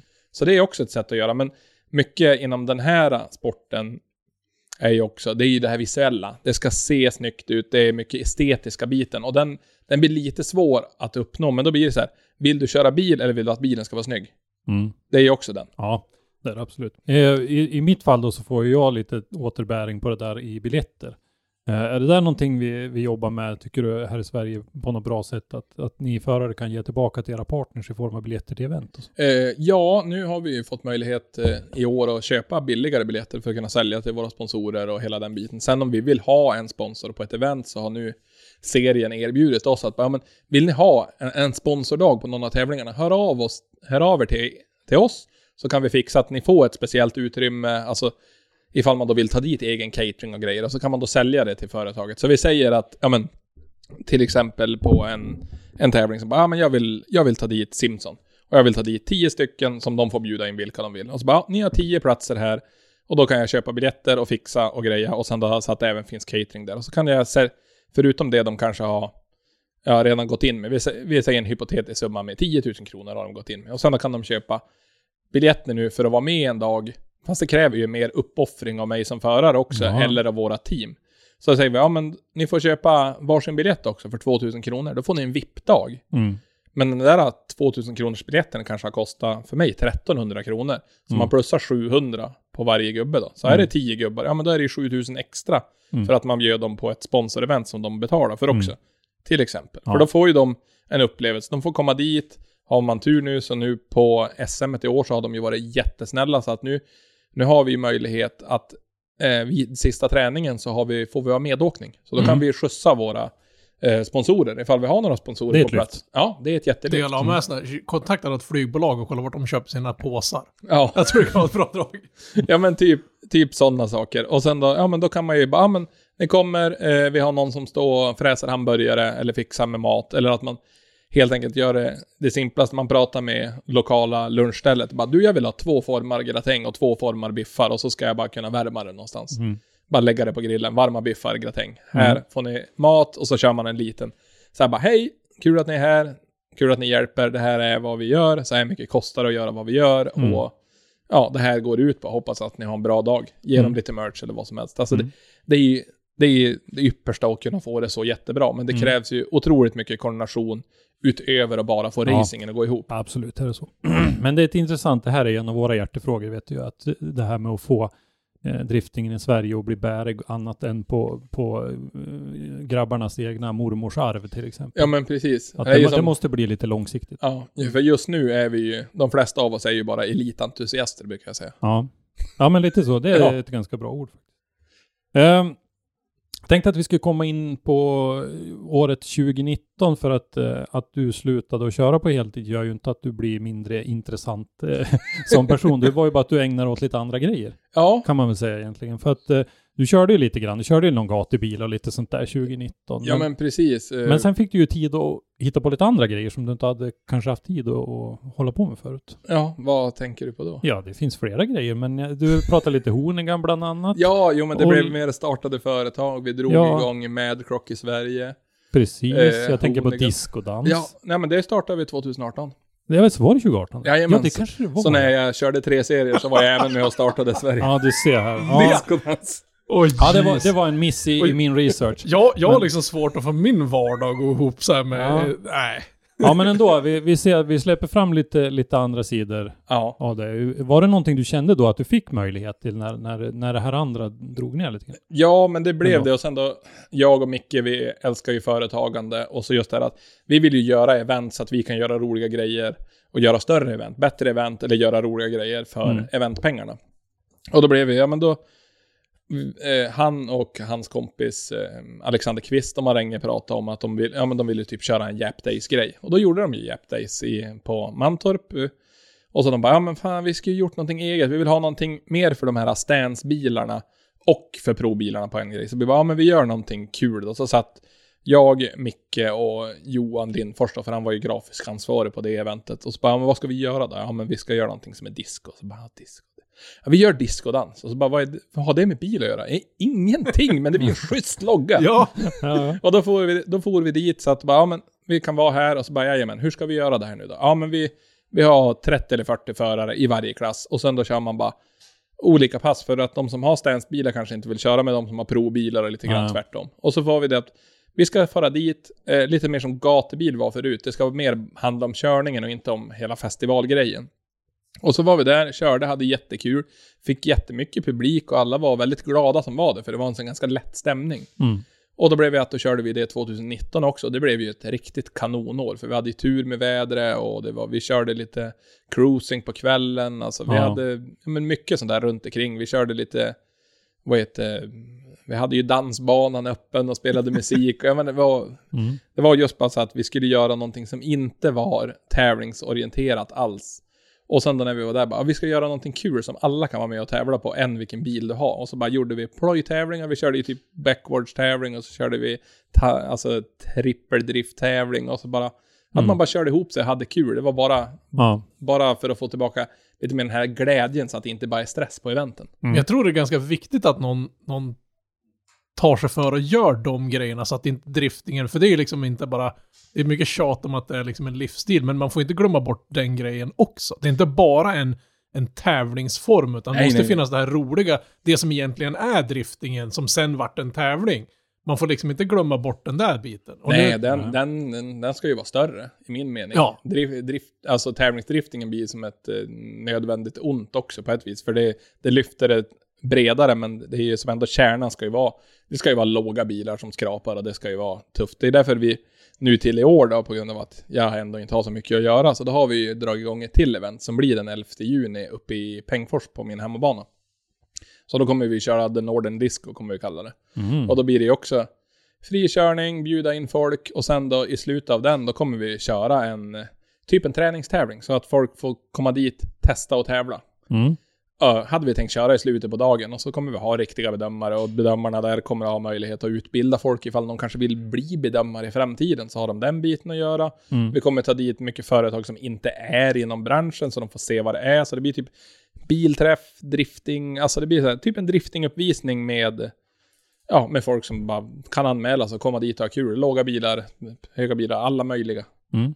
Om du någon gång funderar på att lägga hjälmen på hyllan så finns det en ganska stor organisation söderut i Sverige som har SBF som sina initialer.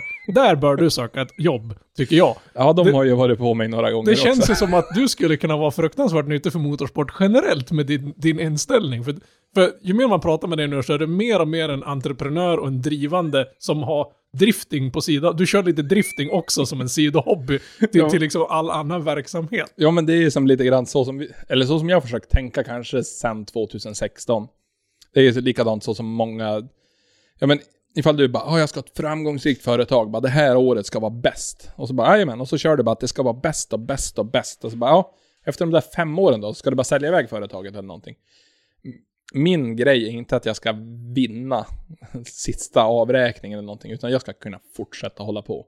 Det är inte Mm. att det ska vara, ja, okej, det är kul ifall man kan vara bäst, men jag vill kunna, som en, en dröm, ja men kom, vi säger om tre år, alltså från man kanske är 35 upp tills man är 40, då ska jag kunna hålla på med det här YouTube och fixa alltihop. Kanske jobba på halvtid, bara jobba på vintern och så bara latcha på sommaren. Göra roliga grejer, göra roliga event, kunna skapa sånt som får återbäring för sporten för all, alla andra också. För Mm. nog för att jag vill ha min bit av kakan, men ifall jag tjänar lite grann på det så vill jag att fler ska kunna tjäna på det. Mm. Så att vi ska kunna För driva det det. tror jag att du i, i långa loppet tjänar på också. Oh, Ja, ja. Att, Jo, man, alltså- att vi driver upp varandra. Jo, men blir man girig, så som man ser många blir, att bara, nej men det här är bara mina sponsorer, Mm. bara ingen ska få ta någonting av dem. Ja, men när jag har någon som jag vet är genuint bra, som kan vara bra för min sponsor också. Det är likadant som många av mina sponsorer kollar ju med mig när de får in sponsoransökningar. Är de här namnen någonting vi ens behöver fundera på? Och så Mm. jag bara, ja, så sitter man och kollar och så man bara, ja men de här tre, de är bra. Eller den, den är bra. Alltså bara, det här är värt för den är bra av den anledningen. På grund, Mm. på grund av att man har varit så länge i, i det här och man ser vad som funkar. Man ser vilka som har glöden för att få det att fungera och vilka som ser på, på helheten på ett viktigt sätt också. Mm. Ja, intressant. Eh, Startat företag sa du. Eh, Ni började sälja lite energidrycker. Jepp, och sen då lugnade ner med den biten på grund av att vi bara, ja men fan det här borde man ju kunna göra. Ja, man kan ju försöka sälja in det till typ ICA. Ja, ja men det är inga problem. Ja, då är man ju bara tvungen att ha ett, ett eh, leveransgaranti. Så man var ju Ja. tvungen att ha 80 pallar konstant i lager. Och det var så här man bara, Ja, det kanske blir lite för stort Man för kanske oss. ska ha ett lager som rymmer 80 pallar till att börja med liksom. Ja, som är tempererat. Ja, och, ja, ja. Så vi kände att det blev lite för mycket för oss. Och då, då valde vi att lägga det lite grann på is. Och bara, vad ska vi göra då? Och sen då fick vi en förfrågan och var ansvariga för Honigan på eventförsäljning och likadant på internet. Så nu, nu säljs För vilket område då? Eh, nu, ja vi, vi får ju vara på event i hela Europa. Ja. Och sen är det ju eh, Sverige, Finland, Norge. Eller hur det blev med Finland nu vet jag inte. Men det är så här, vi är ju mest på i Sverige. Mm. På grund av att det är lite grann som Men nu vi skickar ju i stort sett över hela Europa. Mm. Och det är ju via Onroaders då. Som eh, är en av våra större återförsäljare då. Så vi är ju mer som grossist i Sverige. Är ute till norra, sen där är vi duktiga på att vara ute på event och grejer. Mm. Och det är du och Långe Micke. Ja, men precis. Det är vi två som kör det. För han är även en del i, eh, ja men hela mitt racing går ju ge, ge, genom det aktiebolaget som är JLM Brands och Event. Så vi kör ju all racing via det för att vi kör det som ett eventbolag. Just det. JLM är Jim och Långe Micke. Jepp. Mm. Eh, Folk trodde först att det var jättelång i Mikael. ja, det hade det Ja, vara.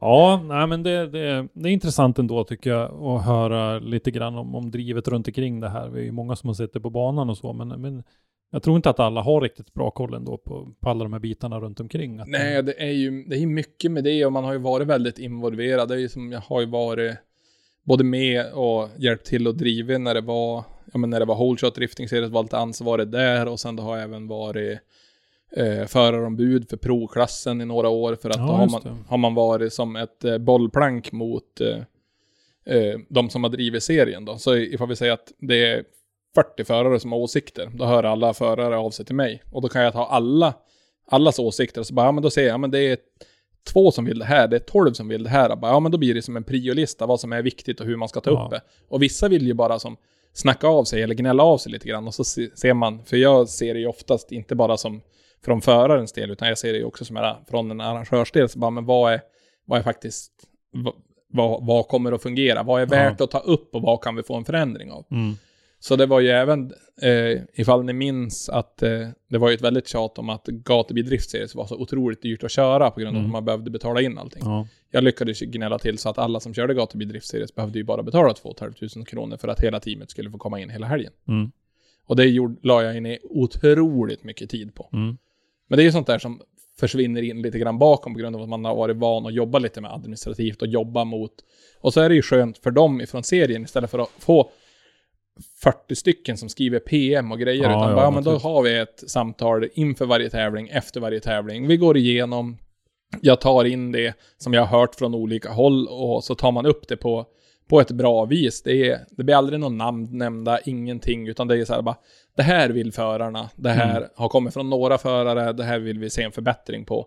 För att vi gör ju ändå en investering i serien också. ja. Nu vet jag inte riktigt hur, hur Gatubils norska organisation är gentemot er förare, men för oss i media så är det ju som att skicka PM in i ett svart hål. Det är aldrig, och då har jag, jag får faktiskt säga att jag har ju ändå representerat Rift som var ju ganska, ganska framstående på, på inom drifting-scenen i, i Norden får vi väl säga. Ja. Aldrig ett svar på ett meddelande.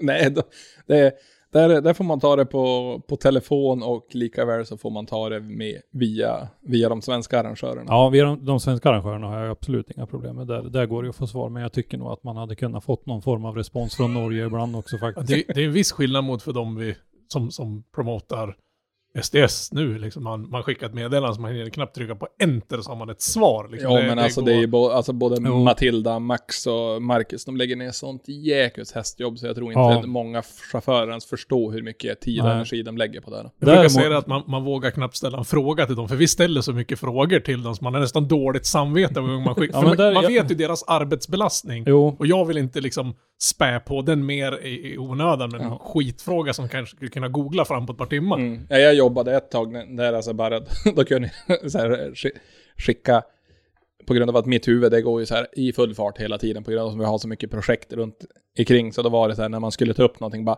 nu kommer jag skriva en massa grejer, men behöver inte, ta, behöver inte svara på det förrän vi ska ha mötet. Men jag vill Okej. bara, jag vill bara ja. skriva dem så att Ja. jag inte glömmer bort dem.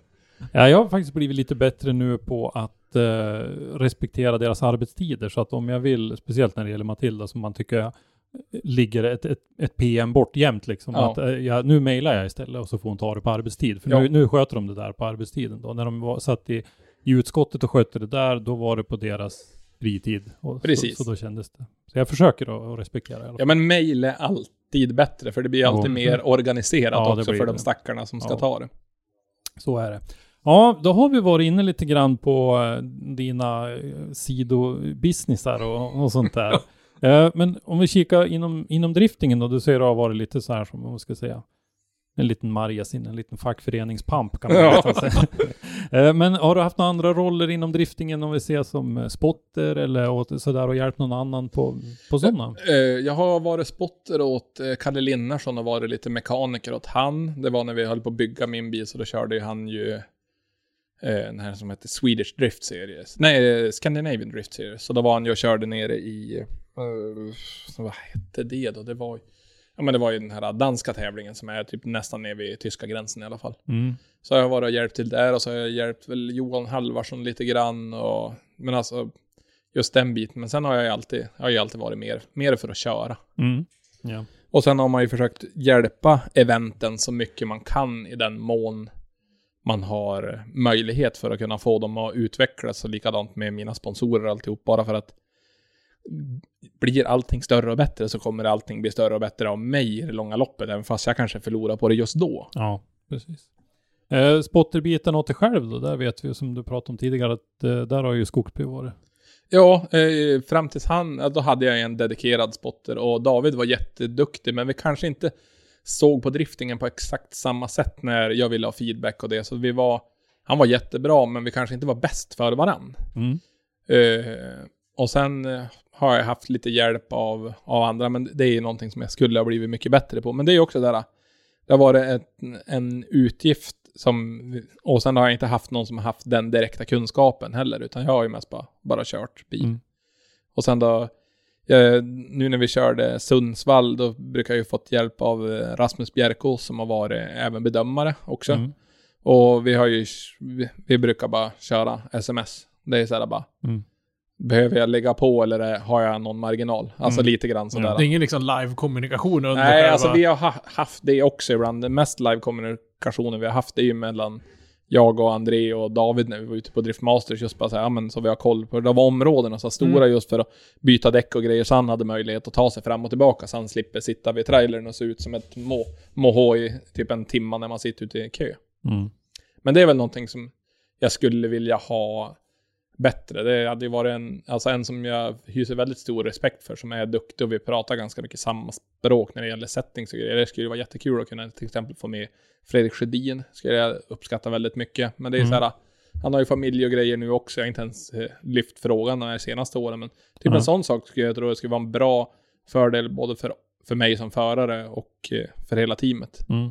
Du ser, det är viktigt att man ser driftingen på, på samma sätt. Ja, och så, så att man kommunicerar på samma sätt och bara, "Ja, men nu har vi de här förutsättningarna, vad kan vi göra bättre med de förutsättningarna vi har? Mm. Så att, och Da- David var jätteduktig och han var, han och Johan fungerar ju extremt bra med varandra. Eh, när de samarbetar för att de är ju bröder och de Mm. ser det på, på sitt sätt som de är fostrade. Mm. Så att, men då, ja, vissa grejer när jag surrade med David, det blir som att vi, vi fann varandra inte riktigt perfekt när vi skulle, när det skulle översättas till bilen eller när vi skulle göra Ja. några settings Ja. eller grejer. Eh, för den som vill höra mer om, om och med eh, Bröderna Skogsby så måste man ju ändå få rekommendera Onroaders eh, poddarna. Det finns ju ett par stycken Ja. tillfällen va, som de har varit med och Nykan har ju varit med också. Det är vansinnigt underhållande. Jo, de där är, där är, behöver inte vara orolig på att det tystnar väldigt länge. Nej, faktiskt inte. Eh, men eh, vi hoppar fram lite grann då och kommer fram till 2021 och Sundsvall. Mm. Eh, så dök ju ditt namn upp där då. Eh, eller det dök upp redan lite innan så här. Tycker ni att jag ska vara med? Ja. Visst var det så? Ja, men det var Lite så, sociala medier. Ja, men lite Mm. så. Oftast har det blivit så här, men, på grund av vad jag tycker är väldigt kul att hålla på med sociala, sociala medier-biten och sånt där. Bara, fan, jag ska börja vlogga lite grann. Jag har aldrig gjort det förut, alltså Mm. helt själv. Och så bara, ja men köpte en dator så att jag kunde redigera. Förut hade jag en gammal laptop som man slängde i fyra videoklipp samtidigt, det bara njörp, och så händer inget mer. Mm. Så då bara, ja men köpte en GoPro-kamera, höll på att greja, fixade lite grann, gjorde i ordning bilen och sen då hade jag bara tänkt köra något sånt här lattjo-event bara för att det är kul. Mm. Och sen då bara, ja men är det någon, skulle vilja se mig köra SM? Och så bara. Och så var jag ju nere och hälsade på sambons morsa i Kumla, så då gick ju första SM-deltävlingen. Så då bara, ja men for jag ner på den, stod och surrade lite grann och har ju haft ganska mycket dialog med Mattias Johansson genom åren. Det var även jag som taggade han första året när han skulle köra SM, att han han bara, men tror du man får köra högsta klassen? Så jag bara, jo men alltså jag känner ju de som har det här, jag kan gå i god för att du är, du är nog bra för att vara där. Han bara, Ja. ja, men bra. Så jag hade taggade han lite grann och han taggade upp mig. Så bara, ja, ja men jag ansök väl då. så bara, ja, och så bara, ja fan tog mig ju med. Och så bara, ja men gjorde i ordning bilen då, byggde om den efter reglementet, fixade det, skulle fara träna. Knäckte en kam, fick inte träna någonting. Så jag hade typ kört bilen ett set däck innan Sundsvallstävlingen. Då. Ja! Mm. Och då har du inte varit så här superaktiv direkt åren innan, så du har Nej. inte liksom Nej, jag hade mer bara typ... eh, lite ringrost kvar där så att säga. En aning. så att, så, nej men så var jag där och körde och det gick väl ändå helt okej. Man blir så här bara, ja men... Eh, många har ju höjt tempot eh, mer också. Sen då var det väl för att man inte hade kört så mycket. Så man bara, ja, testade nya däck som jag aldrig hade kört på heller. Men det, alltså, det gick ju... Kvalade ändå helt okej. med tanke på hur lite jag hade kört. Och sen när stegen började, det är ju som... Jag har ju aldrig varit en bra kvalare. Jag har kvalat bra en gång och då åkte jag ut i topp 16 sen. Så att, men... Det har som aldrig varit. Bara så länge jag är med i stegen, då spelar det ingen roll vart jag kvalar. För det är, det är inte där det avgörs. Det avgörs med att man kör Mm. och bilhårt. Och sen då, ja men mötte Fredrik Persson, mötte Staberg och så mötte jag Kevin och det blev ju massa krascher och grejer. Så det slutade ju med att eh, emot slutet då var det ju, ska jag köra mot Wettermark i topp 4. Och då hade ju kopplingen börjat på mugga sig, för då hade jag ett litet läckage på en av kopplingsslangarna. Så tryckte jag in kopplingen mer än typ fyra gånger, då, då kopplar den inte, för då hann ju inte vätskan rinna ner riktigt. Så då blev det lite hackigt och man fick köra lite mitt i banan. Så då gjorde jag ett ganska dåligt lead. Så jag bara, ja men då luftade vi till det där, fick det att funka, och så skulle vi möta Mattias och då körde vi tyvärr ihop för att hans bil dog ju i initieringen. För jag tänkte, han kör så pass snabbt så jag kan aldrig ge han en millimeter från början. Nej, Och hade, inte han, och hade inte hans bil gått sönder där så hade det nog varit en jävla resa. Ja. Så att, och sen eh, efter det så bara, ja men det här var ju svinkul, och så bara, så ansökte jag om att vara wildcard igen då, på finalen. Och så fick jag möjligheten till att vara det då. För jag ansökte både väldigt tidigt och sen då, jag vet inte, ifall jag hade varit arrangör så är det väl, nu hade det varit kul att ha flera olika, men man kanske ser också fördelen med att ta någon som är duktig på att lyfta det också. Mm. Mm. Alltså, Ja. det är hela den, alltså, det är Ja. väl det man försöker göra med hela det här paketet vi jobbar med, både mycket med media, mycket, alltså det, är, det- ska konstant synas och ge, ge tillbaka. Man ger tillbaka så mycket man kan till sponsorer och grejer hela tiden. Kanske inte kul att göra alla YouTube-videos. För nu har vi ju släppt två i veckan sen i eh, sen nyår och innan det så släppte vi tre i veckan under hela december och i november så släppte vi två i veckan. Ja, Det är ju nästan som man har svårt att hinna med och se på. Ja, ja, det har ja, hänt någon jag- gång man, man säger åh nu har jag släppt ett nytt avsnitt och så bara prata om något av, tidigare avsnitt. Vad fan vadå tidigare avsnitt? Man får gå tillbaka och så bara ah, det finns tre jag har missat liksom. ja, nej, jag har faktiskt missat några. Men, Ja. eh, men eh, hur, hur känner du då? Då kom du tillbaka. Det var egentligen då första gången sedan 2018 som du körde lite mästerskap i, i, i Sverige. Mm. Eh, vad, kände du att uh, hur, skillnad mot tidigare, om vi ser bilar, förare, sådär? Att det, Eh, toppen är väl ungefär som toppen var då. Mm. Det är väl bara att toppen har blivit så mycket bredare. ja, det är många fler förare som håller den nivån. Ja, liksom. men precis. Så det är ju från topp 16, alltså det är, det är några som kan vara lite skakig i, i, alltså i 32an. Sen är det ju benhårt hela vägen. Och det är, Mm. Det är det man har saknat. Förut då kunde man ju som kanske ta det lite safeare från början, men nu är det, nu är det fullt ut hela tiden.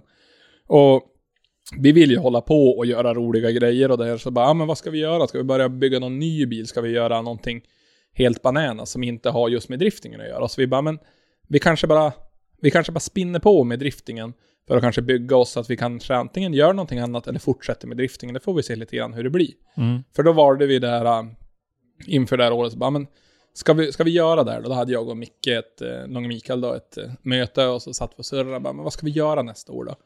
Ja, men vi försöker dra ihop sponsorer och så kör vi en sommar och så bara försöker vi bara bygga våra egna varumärken så gott vi kan och så försöker vi antingen ta det vidare till någon annan plattform eller så fortsätter vi här. Vi får se vart vi är på väg någonstans. Mm. Och under sommaren då så lärde jag känna Joel eh, Steimer, Stellner Production.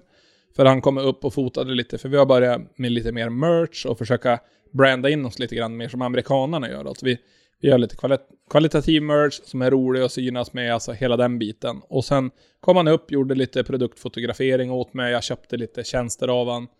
Och sen pratade jag och eh, eh, Herman, då frågade jag bara, ah, men hur blir det inför nästa år? Ja, han var ju lite osäker och grejer, hur han ska göra. Och då, redan då, det här var ju innan SM-finalen var gjord, så då, då pratade jag med Joel bara, om inte han kör nästa år, är du med och göra det jag vill göra? För jag vill ju kunna göra en YouTube-kanal som vi ska kunna göra mer på. Så får vi investera kanske två år av vår, två väldigt hårda, jobbiga år, så kanske vi kan vara halvårslediga för att bara kunna göra content framöver. Han bara, ja, men och så bara börjar vi bolla idéer. Så vi har ett väldigt likt syn på hur vi vill bygga upp det.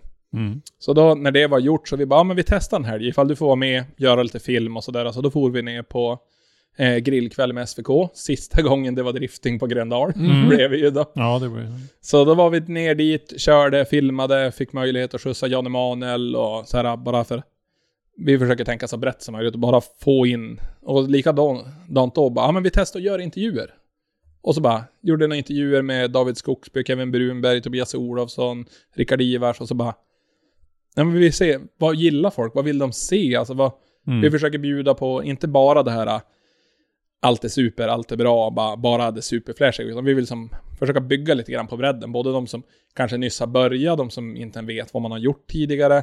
Försöka även lyfta andra så att de blir sedda tack vare min bredd som jag når som kanske inte de har och Mm. vice versa. Mm.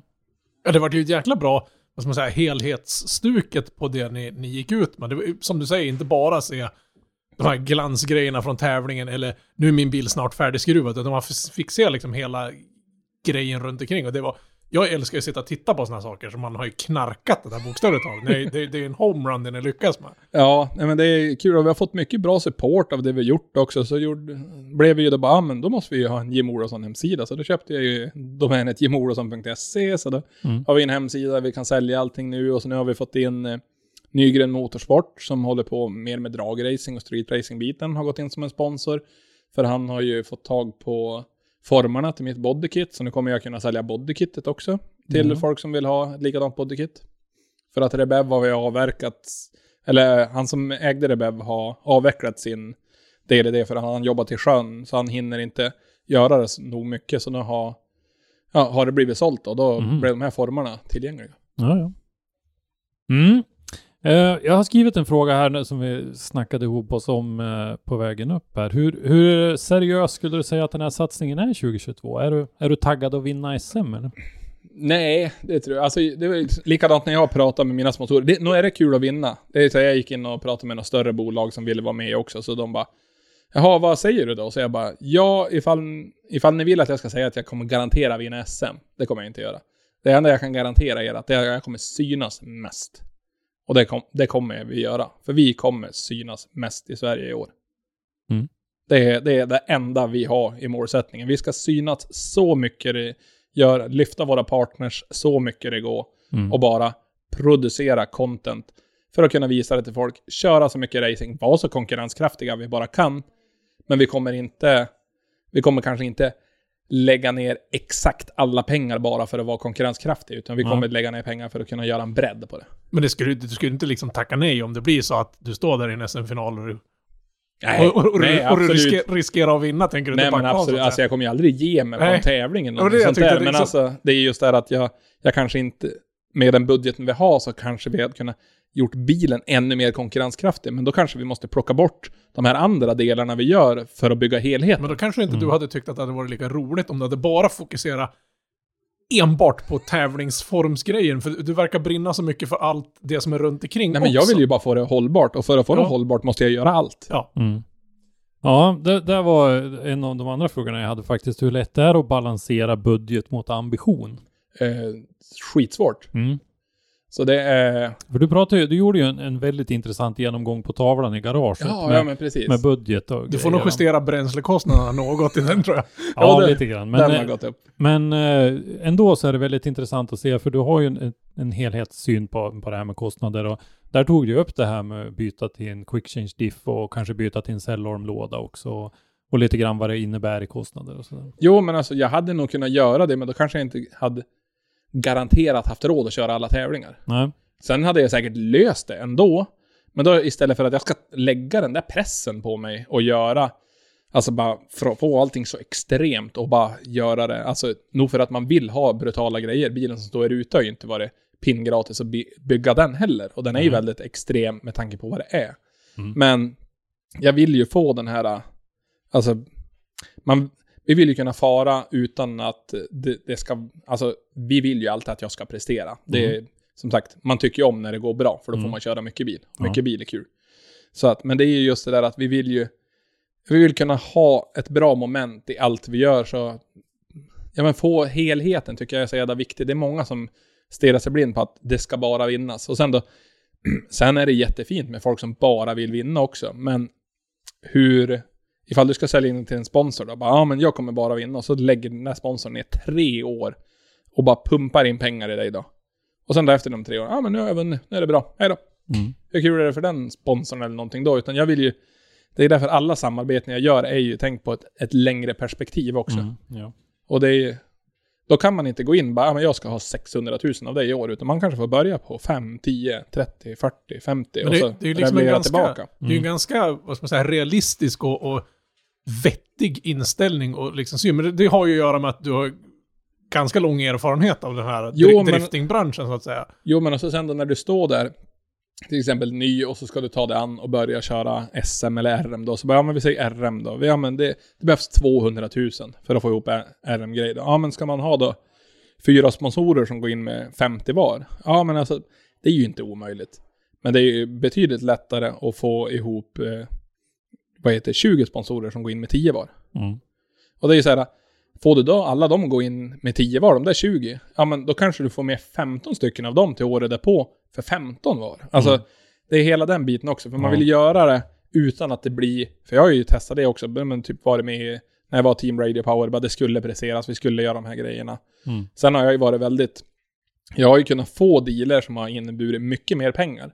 Men då har de varit placeringsbaserade också. Så då är till exempel under ett år så bara, ja men du ska ha varit på pallen fyra gånger. För varje gång du inte har varit på pallen, då ska, då, då, då vill vi ha tillbaka 15 000. Mm. Det finns sådana upplägg också. Den Ja. dealen skulle jag aldrig någonsin gå med på kan jag Nej men ifall du är så pass duktig Ja, så att jo. du bara, ja men ifall de går med på den här dealen, då får du 200 000. Mm. Och så bara, ja men då har du hela säsongen på en sponsor. Men då måste du stå på pallen varje gång, annars kanske du måste betala tillbaka lite grann i slutet av året. Men det kan ju bli, Mm. jag menar, om du får några skittävlingar och du blir påkörd, intryckt i en mur Precis. och sådana, alltså det är ju livsfarliga sponsordeal. Fine att ha en sån här, att du, du får 50 000 till att börja med. Placerar Mm. det på, på pallen så och så många gånger, då får du 100 000 så du kan fortsätta. Alltså man bygger på det istället för att Ja, det blir, ja. blir det- någon form av till återbetalningsskyldig. Men att du sitter med en kraschad bil, värdelös säsong och en skuld på 200 000 i slutet på säsongen till din sponsor. Jo, men, Det vore ju helt... men då, det, en sån är ju inte en, en sponsor för de tycker ju det är kul, utan Ja. de köper ju aktivering Ja. av deras varumärke. Och då, Ja. de kanske har i deras aktiveringsgrej, vi ska vara på pallen. Mm. Det är det som är viktigt för den sponsorn. Och jag har haft med sådana att göra och jag har varit att, jag, alltså hellre så, även fast jag skulle kunna få en sån deal, eller bara att de vill att man alltid ska leverera och det är deras mål att man ska vara högt upp på pallen. Så man bara, men den kanske inte passar mig, den kanske passar någon annan. Mm. Eller så kanske den sponsorn borde titta på elitseriehockey eller någonting Nej, annat men alltså den sponsorn är ju skitsmart, för han, han söker sig bara till de som vill vara bäst, för de vill bara synas på ett sånt sätt. Mm. Så det är ju deras nisch. Hur, hur upplever du, nu pratar vi sportsliga resultat här, hur, Mm. hur eh, upplever du att samarbetspartners resonerar kring andra delar eh, där deras varumärke syns? Buskörning ute i trafiken, eh, alkoholkonsumtion, eh, sådana Eh. grejer. Är, är det vanligt att man villkorar sånt? Eller? Ja. Eh, Jag har ju haft, till exempel 2018, om min bil skulle till exempel vara ute på en driftinggrej ute på gatan och bli filmad eller det Mm. händer en olycka eller någonting sånt där. Mm. då hade jag ju full återbetalningsskyldighet till fyra sponsorer. Ja. Ja, det, det låter som en, i, i, mina, I min värld låter det som en vettig... Alltså, Ja. ja, jag köper Ja. det. och vissa, de, de bryr sig inte. De tycker ju bara är fränt att synas. Jag menar, det kan ju liksom skada... Jo, men Ja. all, all publicitet är inte bra publicitet. Nej. Nej, men det, det tycker jag väl är som en, en bra grej. Sen då, ja det ska jag inte hymla med. Jag har ju varit och, och brummat på gatan och grejer även med den här bilen. Men det är ju som inte, sagt... det är inte så långt till Mexiko hemifrån det heller. Nej. Nej, men då blir det så här alltså, det blir... På, på vilket sätt och vilka sponsorer har man? Hur vill du att ditt varumärke ska uppfattas? Alltså det är... Alltså de, de som kör på gatan, alltså all heder till dem. Men alltså, jag hade också jättegärna velat gjort det mer, men jag vill inte göra det med det, det vi håller på med nu. Inte med de insatserna. Nej, in, inte med den här racebilen kanske. Jaha. Man kanske hade haft likadant som att vi är och kör på isen eller man är och sladdar på byn en kväll på vintern. Mm. Då gör man det också, men det är kanske ingenting man, man highlightar som extremt att man gör det vid en bilkultursträff där det bara är supning och de kör en så här overtake-grej när de bara står och våldbörnar. Nå- Det finns en tjusning i det också, men jag, jag har väldigt svårt att se all, all den här alkoholen och fyllan som har blivit mer övergripande med alla som gör de här snabbmodsen på sina bilar. Förutom att få på en bilträff så var det ju mer där att man ville visa någonting som man hade jobbat med hela vintern Ja. och hela den biten. Nu är det mer ja, fälgar, dämpare, hade på någon Maxton-läppar och så bara, ja, kör man på festen och, eller kör man dit och så är man där för festens skull. ja. Förut var det mer att man for dit för att visa sina grejer när man for till Ikea någon kväll. Nu blir det ju, ser det ju mer bara ut som ett sjöslag varje gång. ja. Du är mer för grillkväll än A6. Grillträffen. Ja, grillträffen än, än A6. Ja, Alltså, sen då A- A6, det, den, den har sin tjusning i vad det var tidigare. Nu har det blivit amok. Mm. Tidigare så var det, alltså det, det var ändå en, en, alltså det var mycket folk där, det var fylla, men det var inte som det är nu. Nej. Så att alltså det, jag ser det negativa i det, men det har ju varit någonting bra där från början. För det är Mm. ändå, det binder ju bilkultur, Ja. men bilkulturen som det har blivit nu, mer bara sjöfylla och dåligt, alltså, men det är ju den här svansen, den här svansen som, som vi brukar kalla den för, har ju tagit över. Det är bara de som hoppas under, hoppar in tak och sånt som, som Jo, men det är ju, det är ju den fler här, och fler av det dem. är ju den här TikTok och Instagram-grejen, att du ska synas och bli Mm. stor. Sådär, pang, pang, pang, pang, pang. Ja. Ja, eh, Bjurholm säger du. Det ligger ju eh, strax utanför Umeå för den som inte har Precis. högt betyg i geografi. Västerbottens län och Ångermanlands landskap. Ja, just det. Det är en sån där. En sån Jajamän. kluring. Eh, ser du restiden och eh, avstånden och, det som kommer med att bo där uppe som en utmaning? Li, både ja och nej. För mig själv så är det inte en större utmaning. Det är mer att få med mekanikerna som blir det, det jobbiga. Den behöver en extra dag ledigt och likadant när vi ska hem. Mm. Att det är bara, ja men det är bara att roffa ihop och så ska vi plöja hem. Men nu är det ju fredag, lördag tävlingar så nu är det inte samma stress hem. Men vi måste ju alltid åka torsdag morgon. Mm. Så det, det är bara det jag ser som en nackdel med avståndet. Sen, det, givetvis, det är ju en reskostnad. Vi har ju bokat hotell nu inför sommaren för att vi kör ju med, med bussen som jag gjorde där på uträkningen. För att ja, men vi skulle kunna köpa en fullt stor buss och bo i den. Ja, men då kostar den 400 000 och sen då ska det försäkring och skatt och hela den biten. Mm. Så det, för oss är det mer försvarbart att hyra en crafter som vi gör och så bo på hotell. Ja. För crafterhyran är 20 000 per år och hotellen är 52, så det är 72 000. Mm. Och så har vi inga risker. Ja, nej men det är tiden som sagt som, som eh, kostar på lite grann då. Men eh, det finns ju några fler, om vi tittar i, i SM-serien då, SDS, så är det ju några fler här uppifrån norr. Eh, du nämnde Mattias Johansson tidigare, ni kör ju för samma klubb. Japp. Eh, vi har Jimmy Gustafsson tror jag ska Jajamän, köra. från Piteå. Fredrik. Westring från Kalix. Fredrik vi Westring har Jim med. Nordqvist från Övik. Precis. Eh, hur tänker ni? Samarbetar ni någonting? Åker ni tillsammans något eller? Nej, alltså jag har aldrig varit där så mycket att man ska samåka någonstans, utan det är som man, gör det som passar varje team. Men ofta så gör vi ju det, men ska jag och Mattias vara och träna i Vännäs, då har man givetvis av sig till handen bara, ska du köra? Ja men perfekt. Mm. Då kan man ju ha en måttstock och så bara, ja men nu justerar inte du på bilen någonting, nu gör jag bara jag det. Och likadant tvärtom, för då kan man ju se, vad ger faktiskt fart, vad ger, så att inte bägge justerar hela tiden, så då får vi en måttstock att gå emot. Ja. Vi har gjort det no några svängar och vi ska väl försöka göra lite mer mot sommaren. Bara så att man har någon att försöka hålla sig alert med. Mm. Eh, har du planerat någon träning inför säsongen? Eh, ja, vi ska väl till eh, Mantorp kommer vi ha varit på när det här känns. Mm. Och sen eh, så hoppas vi väl att det har tinat till Vännäs så att vi kan köra där innan. Eller får vi far till Mattias har pratat om att vi ska fara till Sundsvall, så vi får se hur det stämmer. Ja, just det. Det är väl en frikörning Ja, första för, april. tror ja precis. De- första, andra april. De har ju varit där april, med traktorer och skyfflat snö nu i flera veckor snart. Ja, men bara, bara asfalten kommer fram, Ja, då ja. tinar det fort. Ja. Eh, jag tänkte på teamet. Ja. Vilka kommer du ha med dig i sommar? I i sommar så är vi ju, det är ju de gamla vanliga. Det är ju André Foppa Forsberg. Eh, han som, jag har även gjort ett eh, reportage om i vloggen, han som har byggt en egen bromsbänk.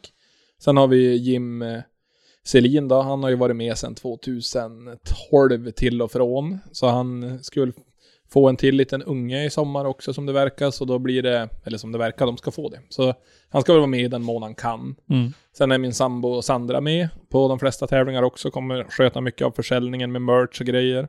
Joel Stellner med men allt fotojobb. Likadant så är han ju här idag och hjälper till att montera vinylen. Och sen har vi ett nytt tillskott som heter Linus Jonsson. Och Linus är han är en ung kille från Umeå, håller på mycket med bilar och så tidigare och han hörde av sig och så bara, "Ja, men ifall du vill ha hjälp så säg till. Och så bara, ja men har vi testat, så han funkar i teamet och sådär. Och så bara, ja men alla kommer jättebra överens. Så vi är, vi är en mer än vad vi behöver vara. Men det är ju för att vi inte ska bli lidande ifall en behöver vara borta. Men Mm. det måste ju vara ett skönt problem att ha, om, om, om man ska säga det som ett problem, att, att, att man är en mer än vad man behöver vara. Ja men Man vi inte är, sitter där i... vi är sex stycken. Blir vi väl. Eh, för det är ja men André, Jim, uh, Micke, Sandra, Linus, Stellner. Ja, Mm. det är sex stycken plus mig då. Men det måste vara skönt också att kunna ha... Men det är ju liksom, vad ska man säga, många av de här är ju samma gäng som du alltid har Ja, haft med att göra. Det måste ju vara liksom en liten trygghet att veta att man vet vad de här människorna går för i stridens hetta, så att säga. Ja, men och så sen då har vi ju varit, som sagt, det är ju flera som har hört av sig och vill vara med och så här bara, ja men det hade väl säkert varit jättekul, men det är ju, som sagt, fungerar de i gruppen? Eh, Mm. Drar vi lika? Tänker vi lika när vi är ute på event? Eller är det någon som är kinkig om någonting? Eller, vi är väldigt lika alla som är med och vi, vi far iväg mer som en, en rolig grej på hela Mm. den biten, så det är inte så här hysch hysch i depån, utan vi är alltid öppna, vi ställer upp och vi, vi är väldigt måna om att all, alla, ska, alla ska ha kul när vi är någonstans. Men det är liksom ett kompisgäng som sticker iväg på en tävling på en helg. Ja, ungefär så. Och det är ju liksom det bästa Och- scenario man kan ha egentligen. Ja, och alla utgår ju ifrån, eh, uppifrån Norrland då, förutom eh, Långe Mika som utgår ifrån Sollebrunn. Mm.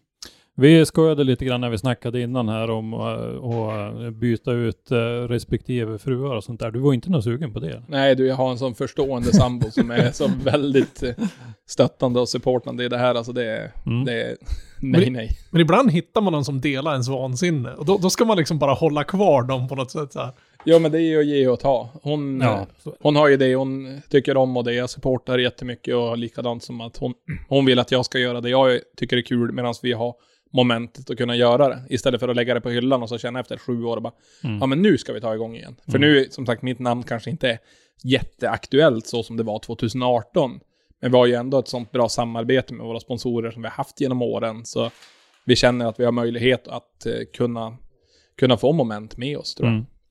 Ja men precis, och, och som du säger då, lite merchförsäljning och sådär så kommer hon att, stå för lite av den biten. Och, Ja, precis. Mm. Och sen då har vi ju, nu har vi ju ett samarbete med lokala lunchrestaurangen hemma när vi ska på tävling. Så vi köper typ 30 matlådor för en spots, alltså för inga pengar alls. Och sen då, ja, får man hjälpas åt med det. Man värmer grejer och så blir det, Mm. har vi bara med oss en mikro och kylboxar. Mm. Det är väldigt, försöker skala ner det och ha det så lite struligt som möjligt. Ja. Vi har ju blivit bekväma och gamla också.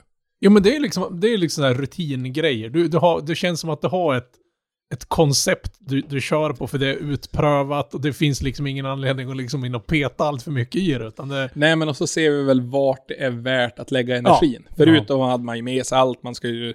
Och det skulle kampas och det skulle vara så stort och fläskigt. Det var ju som när jag kommer till... När vi var i Sundsvall i somras, när vi kommer så här dagen innan, när det var så här eh, paid practice.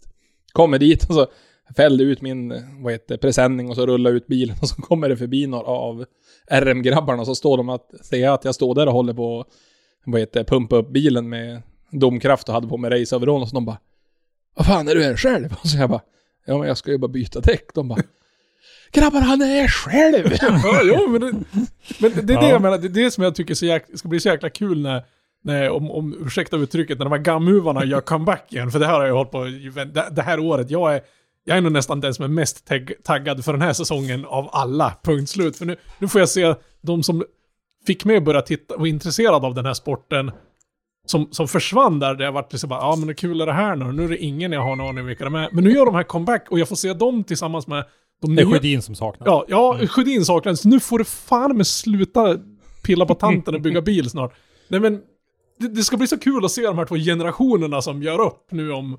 Jag, tror- jag tror att de här kommer bli det bästa driftingsäsongen på jag vet inte hur många år, ur, ur tävlingsdriftingen sett. Ja, men jag tror det kommer att bli väldigt bra. Mycket tajta små banor, det kommer inte bli så långdraget. Det blir spännande att se hur de kommer att göra med Mantorp-grejen. Så jag, jag tror det kommer att kunna bli väldigt kraftfullt och, och bra på den biten. Jag tror det, det är många som tar i från tårna. Eh, jag tror det är många som på ett vis kanske överbygger och inte riktigt har full koll på vad de kommer med i början av säsongen. Det brukar det ju alltid vara, så det spelar Ja. liksom ingen roll. Men jag vet inte, det, känns som att det kan bli en väldigt jämn och konkurrenskraftigt år. Det är många som nu har gått över till Valino vet jag, för Valino har i stort sett slut på däck i Sverige. Mm. Eh, av det som har kommit in under vintern. Så det är många som kommer att ha ett väldigt konkurrenskraftigt däck där till exempel. Mm. Och så är det många som har gått upp till bättre stötdämpare, mer ordning på grejerna. Så, eh, ja men Skogsbygrabbarna kommer ju med mycket rutin. Ivars kommer med en ny bil, stor. Eh, han säger att det inte riktigt finns fart i den på det sättet han vill, men kommer farten vara lika känslig när vi inte har så långa svepande böjar? Alltså jag vet inte, Mm. det är mycket. Tobias eh, Olofsson kommer ju vara med också och härja och sen då Brunberg, Staberg, alltså det finns, det finns mycket med namn, inte Mm. minst Mattias Johansson. Ja, ju, han sa ju att han inte skulle ladda på så mycket till i år. Jag vet att han har kostat på bilen otroligt mycket pengar. Mm. Så det Mm. kommer att bli väldigt intressant att se vart... eh, Jag tror många kommer höja nivån mycket och jag tror många kommer att justera, justera, justera för att de ska vara snabbast, snabbast, snabbast. Mm. Så vi får, vi, det kommer att bli väldigt spännande. Jag kan inte säga riktigt rakt ut vad som kommer hända i sommar, men det kommer att bli en, en intressant säsong tror jag. Det tror jag också. Och en sak som vi också har att ta hänsyn till är ju den här bristen på delar. Eh, kör man sönder någonting rejält, någon låda eller någon diff eller någonting så kommer det att vara svårt att få tag i grejer. Ja, det är, som sagt, det är ju nackdelen med min bil. Jag åker en gammal E28 diff. Nu har jag ju två, med två utvecklingar så jag kan byta. Mm. Sen åker jag ju en 530 diesellåda. Mm. Så jag har köpt sex. Ja. Ja. Ja, men jag, har, jag kan köra sönder en per tävling och det är Ja. okej. Och då- är det inte Paolo Roberto köpt sex då, utan du har köpt sex stycken växellådor. Ja. Ja, nej, Nej, men, men- eh, det, så, det- det, det är ju absolut en fördel. Ja, så där, vi har ju försökt tänk, tänka nu när vi har hållit på med bilen, så bara, men vi, vi gör den så hanterbar som möjligt med den budgeten vi har. Mm. Som sagt, vi har köpt reservgrejer för typ 20 000. Och nu har vi reservgrejer så vi klarar av allt. Vi har även, André har sagt det, bara, men skottar vi motorn? Ja, men jag har två. Alltså Mm. extra sneakmotorer, så vi kan bygga en till motor Mm. till nästa tävling utan att det är, vi måste ha kolvar, vi måste ha det, det ska Mm. vara 800 hästar. Nu har vi, vi har ju vad, vad vi har broms, bromsaren, då gav den ju 650 Mm. på hjulen. Mm. Och det är på maxläget just nu då. Mm. Så vi kommer vara en av de som har minst effekt i år. Mm. Ja, det var intressant också för oss nördar när du öppnade motorn och tittade hur den såg ut efter Mm. de här säsongerna. Kommer inte ihåg hur många hundra däck du sa att du hade kört upp, men Ja, men det är kring 1000 däck har Ja. ju gått och flera kubiksoppa. såg ju jättefint ut. Ja, nytt. Ja. Bra, bra olja, bra avstämd motor. Ja, bevisligen så. För, för när, när du plockar ut och tittar på lagren så bara, "Men vänta, så spolar man tillbaka. Han sa att han hade kört hur mycket med de där? Ja, ja men alltså som... Jag visar ju dem för Payback också, för det är de som har... För när vi skulle köra 2018, då jag bara, "Ah, hur ska vi göra? Ska vi bygga en ny motor? Han bara, "Nej, men testa och se hur länge det går att köra med det här. Och så vi bara, ja men 2018 då skottar vi väl motorn. Mm. Ja men 19 då? Ja men 20 då? Mm. Ja men 21, nej. Och så vi har ju sagt det, skrattar vi den här motorn då är det som helt okej. Och Payback de har ju också sagt det bara, det här är ju sånt som, alltså ska vi få en ny kille som börjar och ska representera vårt varumärke, för att bygga upp samma trovärdighet får inte de byta lager i motorn på sex år. Nej, precis. Nej men alltså, det, det, det händer ju inte. Alltså man, man kan ju, det var det jag tyckte liksom att, jag var tvungen, bara, jag måste ha hört fel, det kan inte stämma, måste jag, den här motorn kan jag gått en säsong på sin höjd liksom, och så bara, nej. Nej, men alltså som sagt, det är ju, det är väl, vi hade isär nu motorn, kollade, allting såg ju bra ut, men Man skulle väl kanske egentligen ha, ha bytt och gått igenom allt, men vi bara, nej men vi, vi slår ihop den och så testar vi. Testar vi en, en, det- en säsong till. För det, ett långblock för mig med topp och alltihop, det är ungefär 50 000. Mm. Jämfört med vissa som lägger ner 50 000 bara på att köpa en grundmotor och sen då bygger de om den för 80. Så Mm. vi har ju i ganska enkla medel haft en väldigt konkurrenskraftig och bra mo- motorkoncept. Mm. Som Dynatech hjälpte oss att ta fram till 2016 då. Mm. Som har suttit i bilen sedan dess. Och ett bra samarbete med Payback Lubricant som sagt. Men det är bevisligen, när man, när man såg det där, det, de, de... Vad ska man säga? Det, det är ingen bullshit när de påstår att det är en bra produkt de levererar, så att säga. Precis, och nu åker vi rak 50 motorolja i den. Så tjock och fin och Mm. behöver varmköras ordentligt men alltså den är ju, går ju som en klocka sen. Mm. Det är ingen, ingenting du startar i minus 15. Nej, nej då brukar vi få ha en sån... Nej. Nu innan jag flyttade till brandstationen där jag har garage nu ifall man har följt vloggen så har jag ju legat ute och skruva. Så då har jag ju fått ha en liten värmefläkt på motorn när det är under 5 plus bara för att man ska kunna våga starta runt den. För annars är oljan så tjock så den suger bara tomt vid silen och så Ja. hinner inte oljan med så då skulle motorn rasa. Men i början där var det ju nästan som vi, när man satt och tittade på din vlogg så vill man nästan gå efter en täckjacka. Alltså det var, alltså skruva under de där förhållandena är helt obegripligt. Men jag hade ju ingenting Ja, annat nej, att nej. göra. Men det, det är också lite coolt så här, men många kanske hade valt att, äh, men det är för jobbigt. Och, och gör, gör en comeback är för jobbigt. Det hade ju varit så jävla lätt att bara tycka så. så bara, ja, ja. Netflix har en schysst serie, jag kollar på den och dricker en pilsner istället. Och det är så jävla skönt att det finns såna här äh, människor som bara, nej, nu har jag bestämt mig för det här, nu, nu blir det så här, punkt slut. Och så förverkligar det också. Jo, men alltså det finns alltid de som kan gnälla. att, "Ah, Men hade jag haft det, hade jag... Men gör vad du kan med det du har. Precis. Sätt ett mål och så försöker du bara ta det dit. Och sen likadant, ja men sätt inom en tidsram. Inte så här bara, någon dag ska jag ha en Nej. R8. Nej, men bara på fem år ska jag försöka ha en R8 och då måste jag ju uppnå det här inom ett halvår och det här inom nästa halvår. Men det är så svårt för en del att tänka så. Ja, jo men det är ju den här instant-världen vi lever i nu. Bara Ja, pang, pang, pang. Det var inte som förut, man gick in på forumet, sitta och kolla bara åh, nu är det fyra projekttrådar, hoho! Ja, kan ja. man sitta och klicka och läsa igenom dem, för de var olästa. Så är det någon som har laddat upp det där på bilddagboken och så skulle man ta den där URL-koden för att lägga Ja. in det för att visa Ja. en bild. Alltså det var, det var ju ett större projekt bara att få en projekttråd att Ja, fungera. oh ja, oh ja, oh ja. Eh, har du några planer på någonting annat än Swedish Drift Series i sommar? I, ja, inte i sommar, men vi har ju, vi har ju någon dum idé. Det är att vi, vi har ju som hintat om det lite tidigare, det är att vi vill ju fara över till USA. Och då har vi ju tänkt fara och köra Clutch Kickers-serien som går i Florida. Och då är det väl de två sista deltävlingarna som är intressant. Så vi har kollat om att hyra bil där, eller ifall vi ska skeppa över bilen. Nu har vi pratat med ett företag som säger att ja, men bilen kan hinna komma över om ni skeppar den. Eh, Men då måste den skeppas på tisdagen efter SM-finalen. För att kanske hinna till den första, men förhoppningsvis till den andra. Så det är så här bara, ha, ska vi göra det eller ska vi hyra en bil? Men hyra en bil är ungefär 120 000 per tävling. För att köra en grassroots-serie. Och frakten över med Express skulle vara 90 000 och då har man en bil för två tävlingar. Så jag, jag vet inte riktigt. Vi, vi vill få det att fungera. Men vi har inte riktigt listat ut hur Mm. än. Men det hade varit en häftig grej att fara över. För jag har alltid sagt att jag vill köra en tävling i USA. Som sagt, Formel D kommer jag aldrig kunna köra med mina egna medel, utan då ska man ju få stöd av någon eller någon som bara vinner på Eurojackpot. Och det är ju inte så jädra ofta. Men nu var det ju en i Finland och en i Norge som vann så hoppas Snacka ihop med dem. Ja, nej men så vi får se. Men det hade varit väldigt kul att fara över och göra, göra en sån grej. Köra en grassroots-serie där. Den grassroots-serien är ju mycket Formula D-förare och grejer som kör. Speciellt de två sista tävlingarna som är efter Formula D-finalen. Så, Ja. men vi får se. Det är, det är väl en liten dröm och en liten plan vi har som skulle vara jä- jädrigt kul att eh, kunna förverkliga. Mm. Så vi hoppas att vi har möjlighet att göra det till i år. Eller så kanske det får bli något annat år.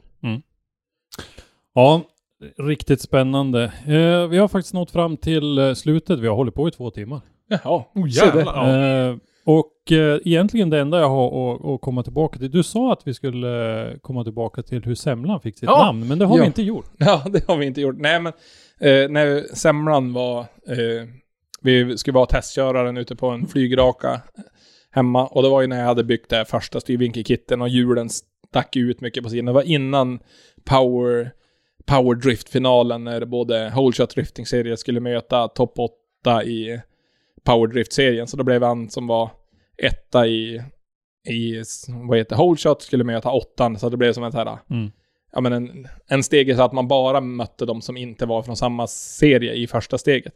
Men då stod vi där ute på flygrakan och så var det en kompis som bara Fy fan, det ser ju ut som en, någon som har brutit isär en semla lite grann. Så det putar ju ut åt alla håll. så det var, då, då blev det semlan och så var det ju mandelmassa i drivaxlarna bak för de flög ju alltid. Ja. Så att, men det var också så bara, bara en sån där grej som kommer till och så tyckte vi att det var kul. Men de fastnar ju. Det är ju ofta sådana här lätta grejer som bara sitter smack där så blir man aldrig av med dem sen. Ja. Så att, men eh, innan vi avslutar det här så vill jag tacka er för det ni gör också. Ni har varit väldigt duktiga att försöka lyfta lite grann bredden i både sporten och hela den biten.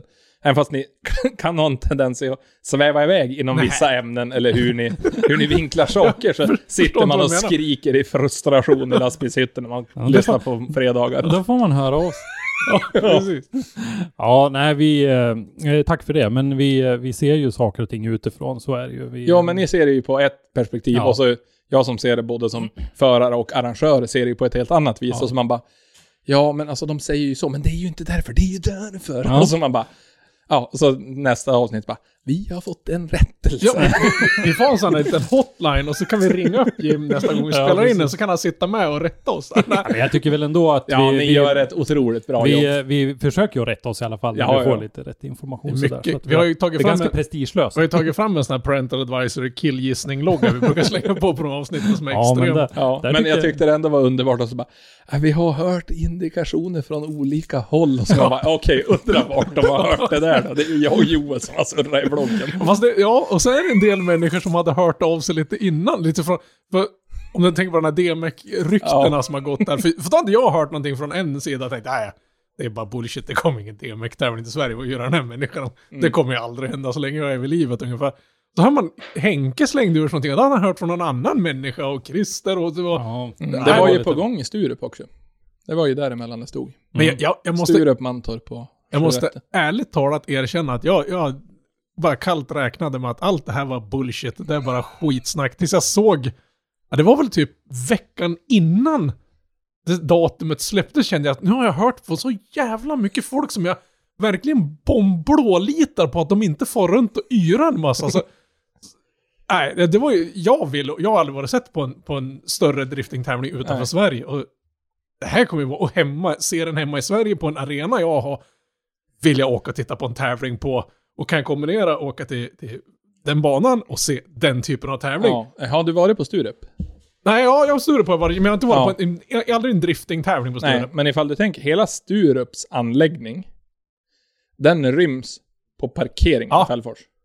Ja, det, det, Storleksmässigt. ja, den, den är helt bisarr. Jag har sett så mycket vloggar och grejer där uppifrån som att jag är så jävla taggad på att åka dit. Jag varit alltså, så sur att det inte varit något i fjol. Mm, eh, hatten av till Danne på Fällfors som roddar det där alltså. Det kommer att bli extremt bra. Ja.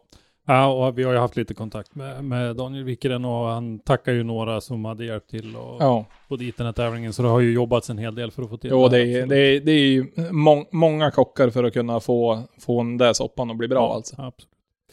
Ja, men med det så tror jag att vi eh, tar och avslutar och hoppas att vi har några lyssnare med oss här på slutet. Det är jag övertygad om att vi har. Vi har pratat om många intressanta grejer. Vi har fått en lite fylligare bild av dig, Jim, tycker Ja. jag, som person. Jo, men vi har ju ändå gått igenom de här åren ganska, ganska snabbt och inte allt för detaljerat, men ändå Nej. försökt få med i alla fall vad jag tycker är viktigt för att få bredden i förståelsen. Ja, precis. Ja, då ska du få gå ut och fortsätta och hjälpa till med eh, folieringen av bilen. Och eh, vi ska snabbt som rackaren packa och fara hem. Men eh, tack så länge och eh, så ses vi ute på banorna i sommar. Ja, Detsamma. Tack så mycket.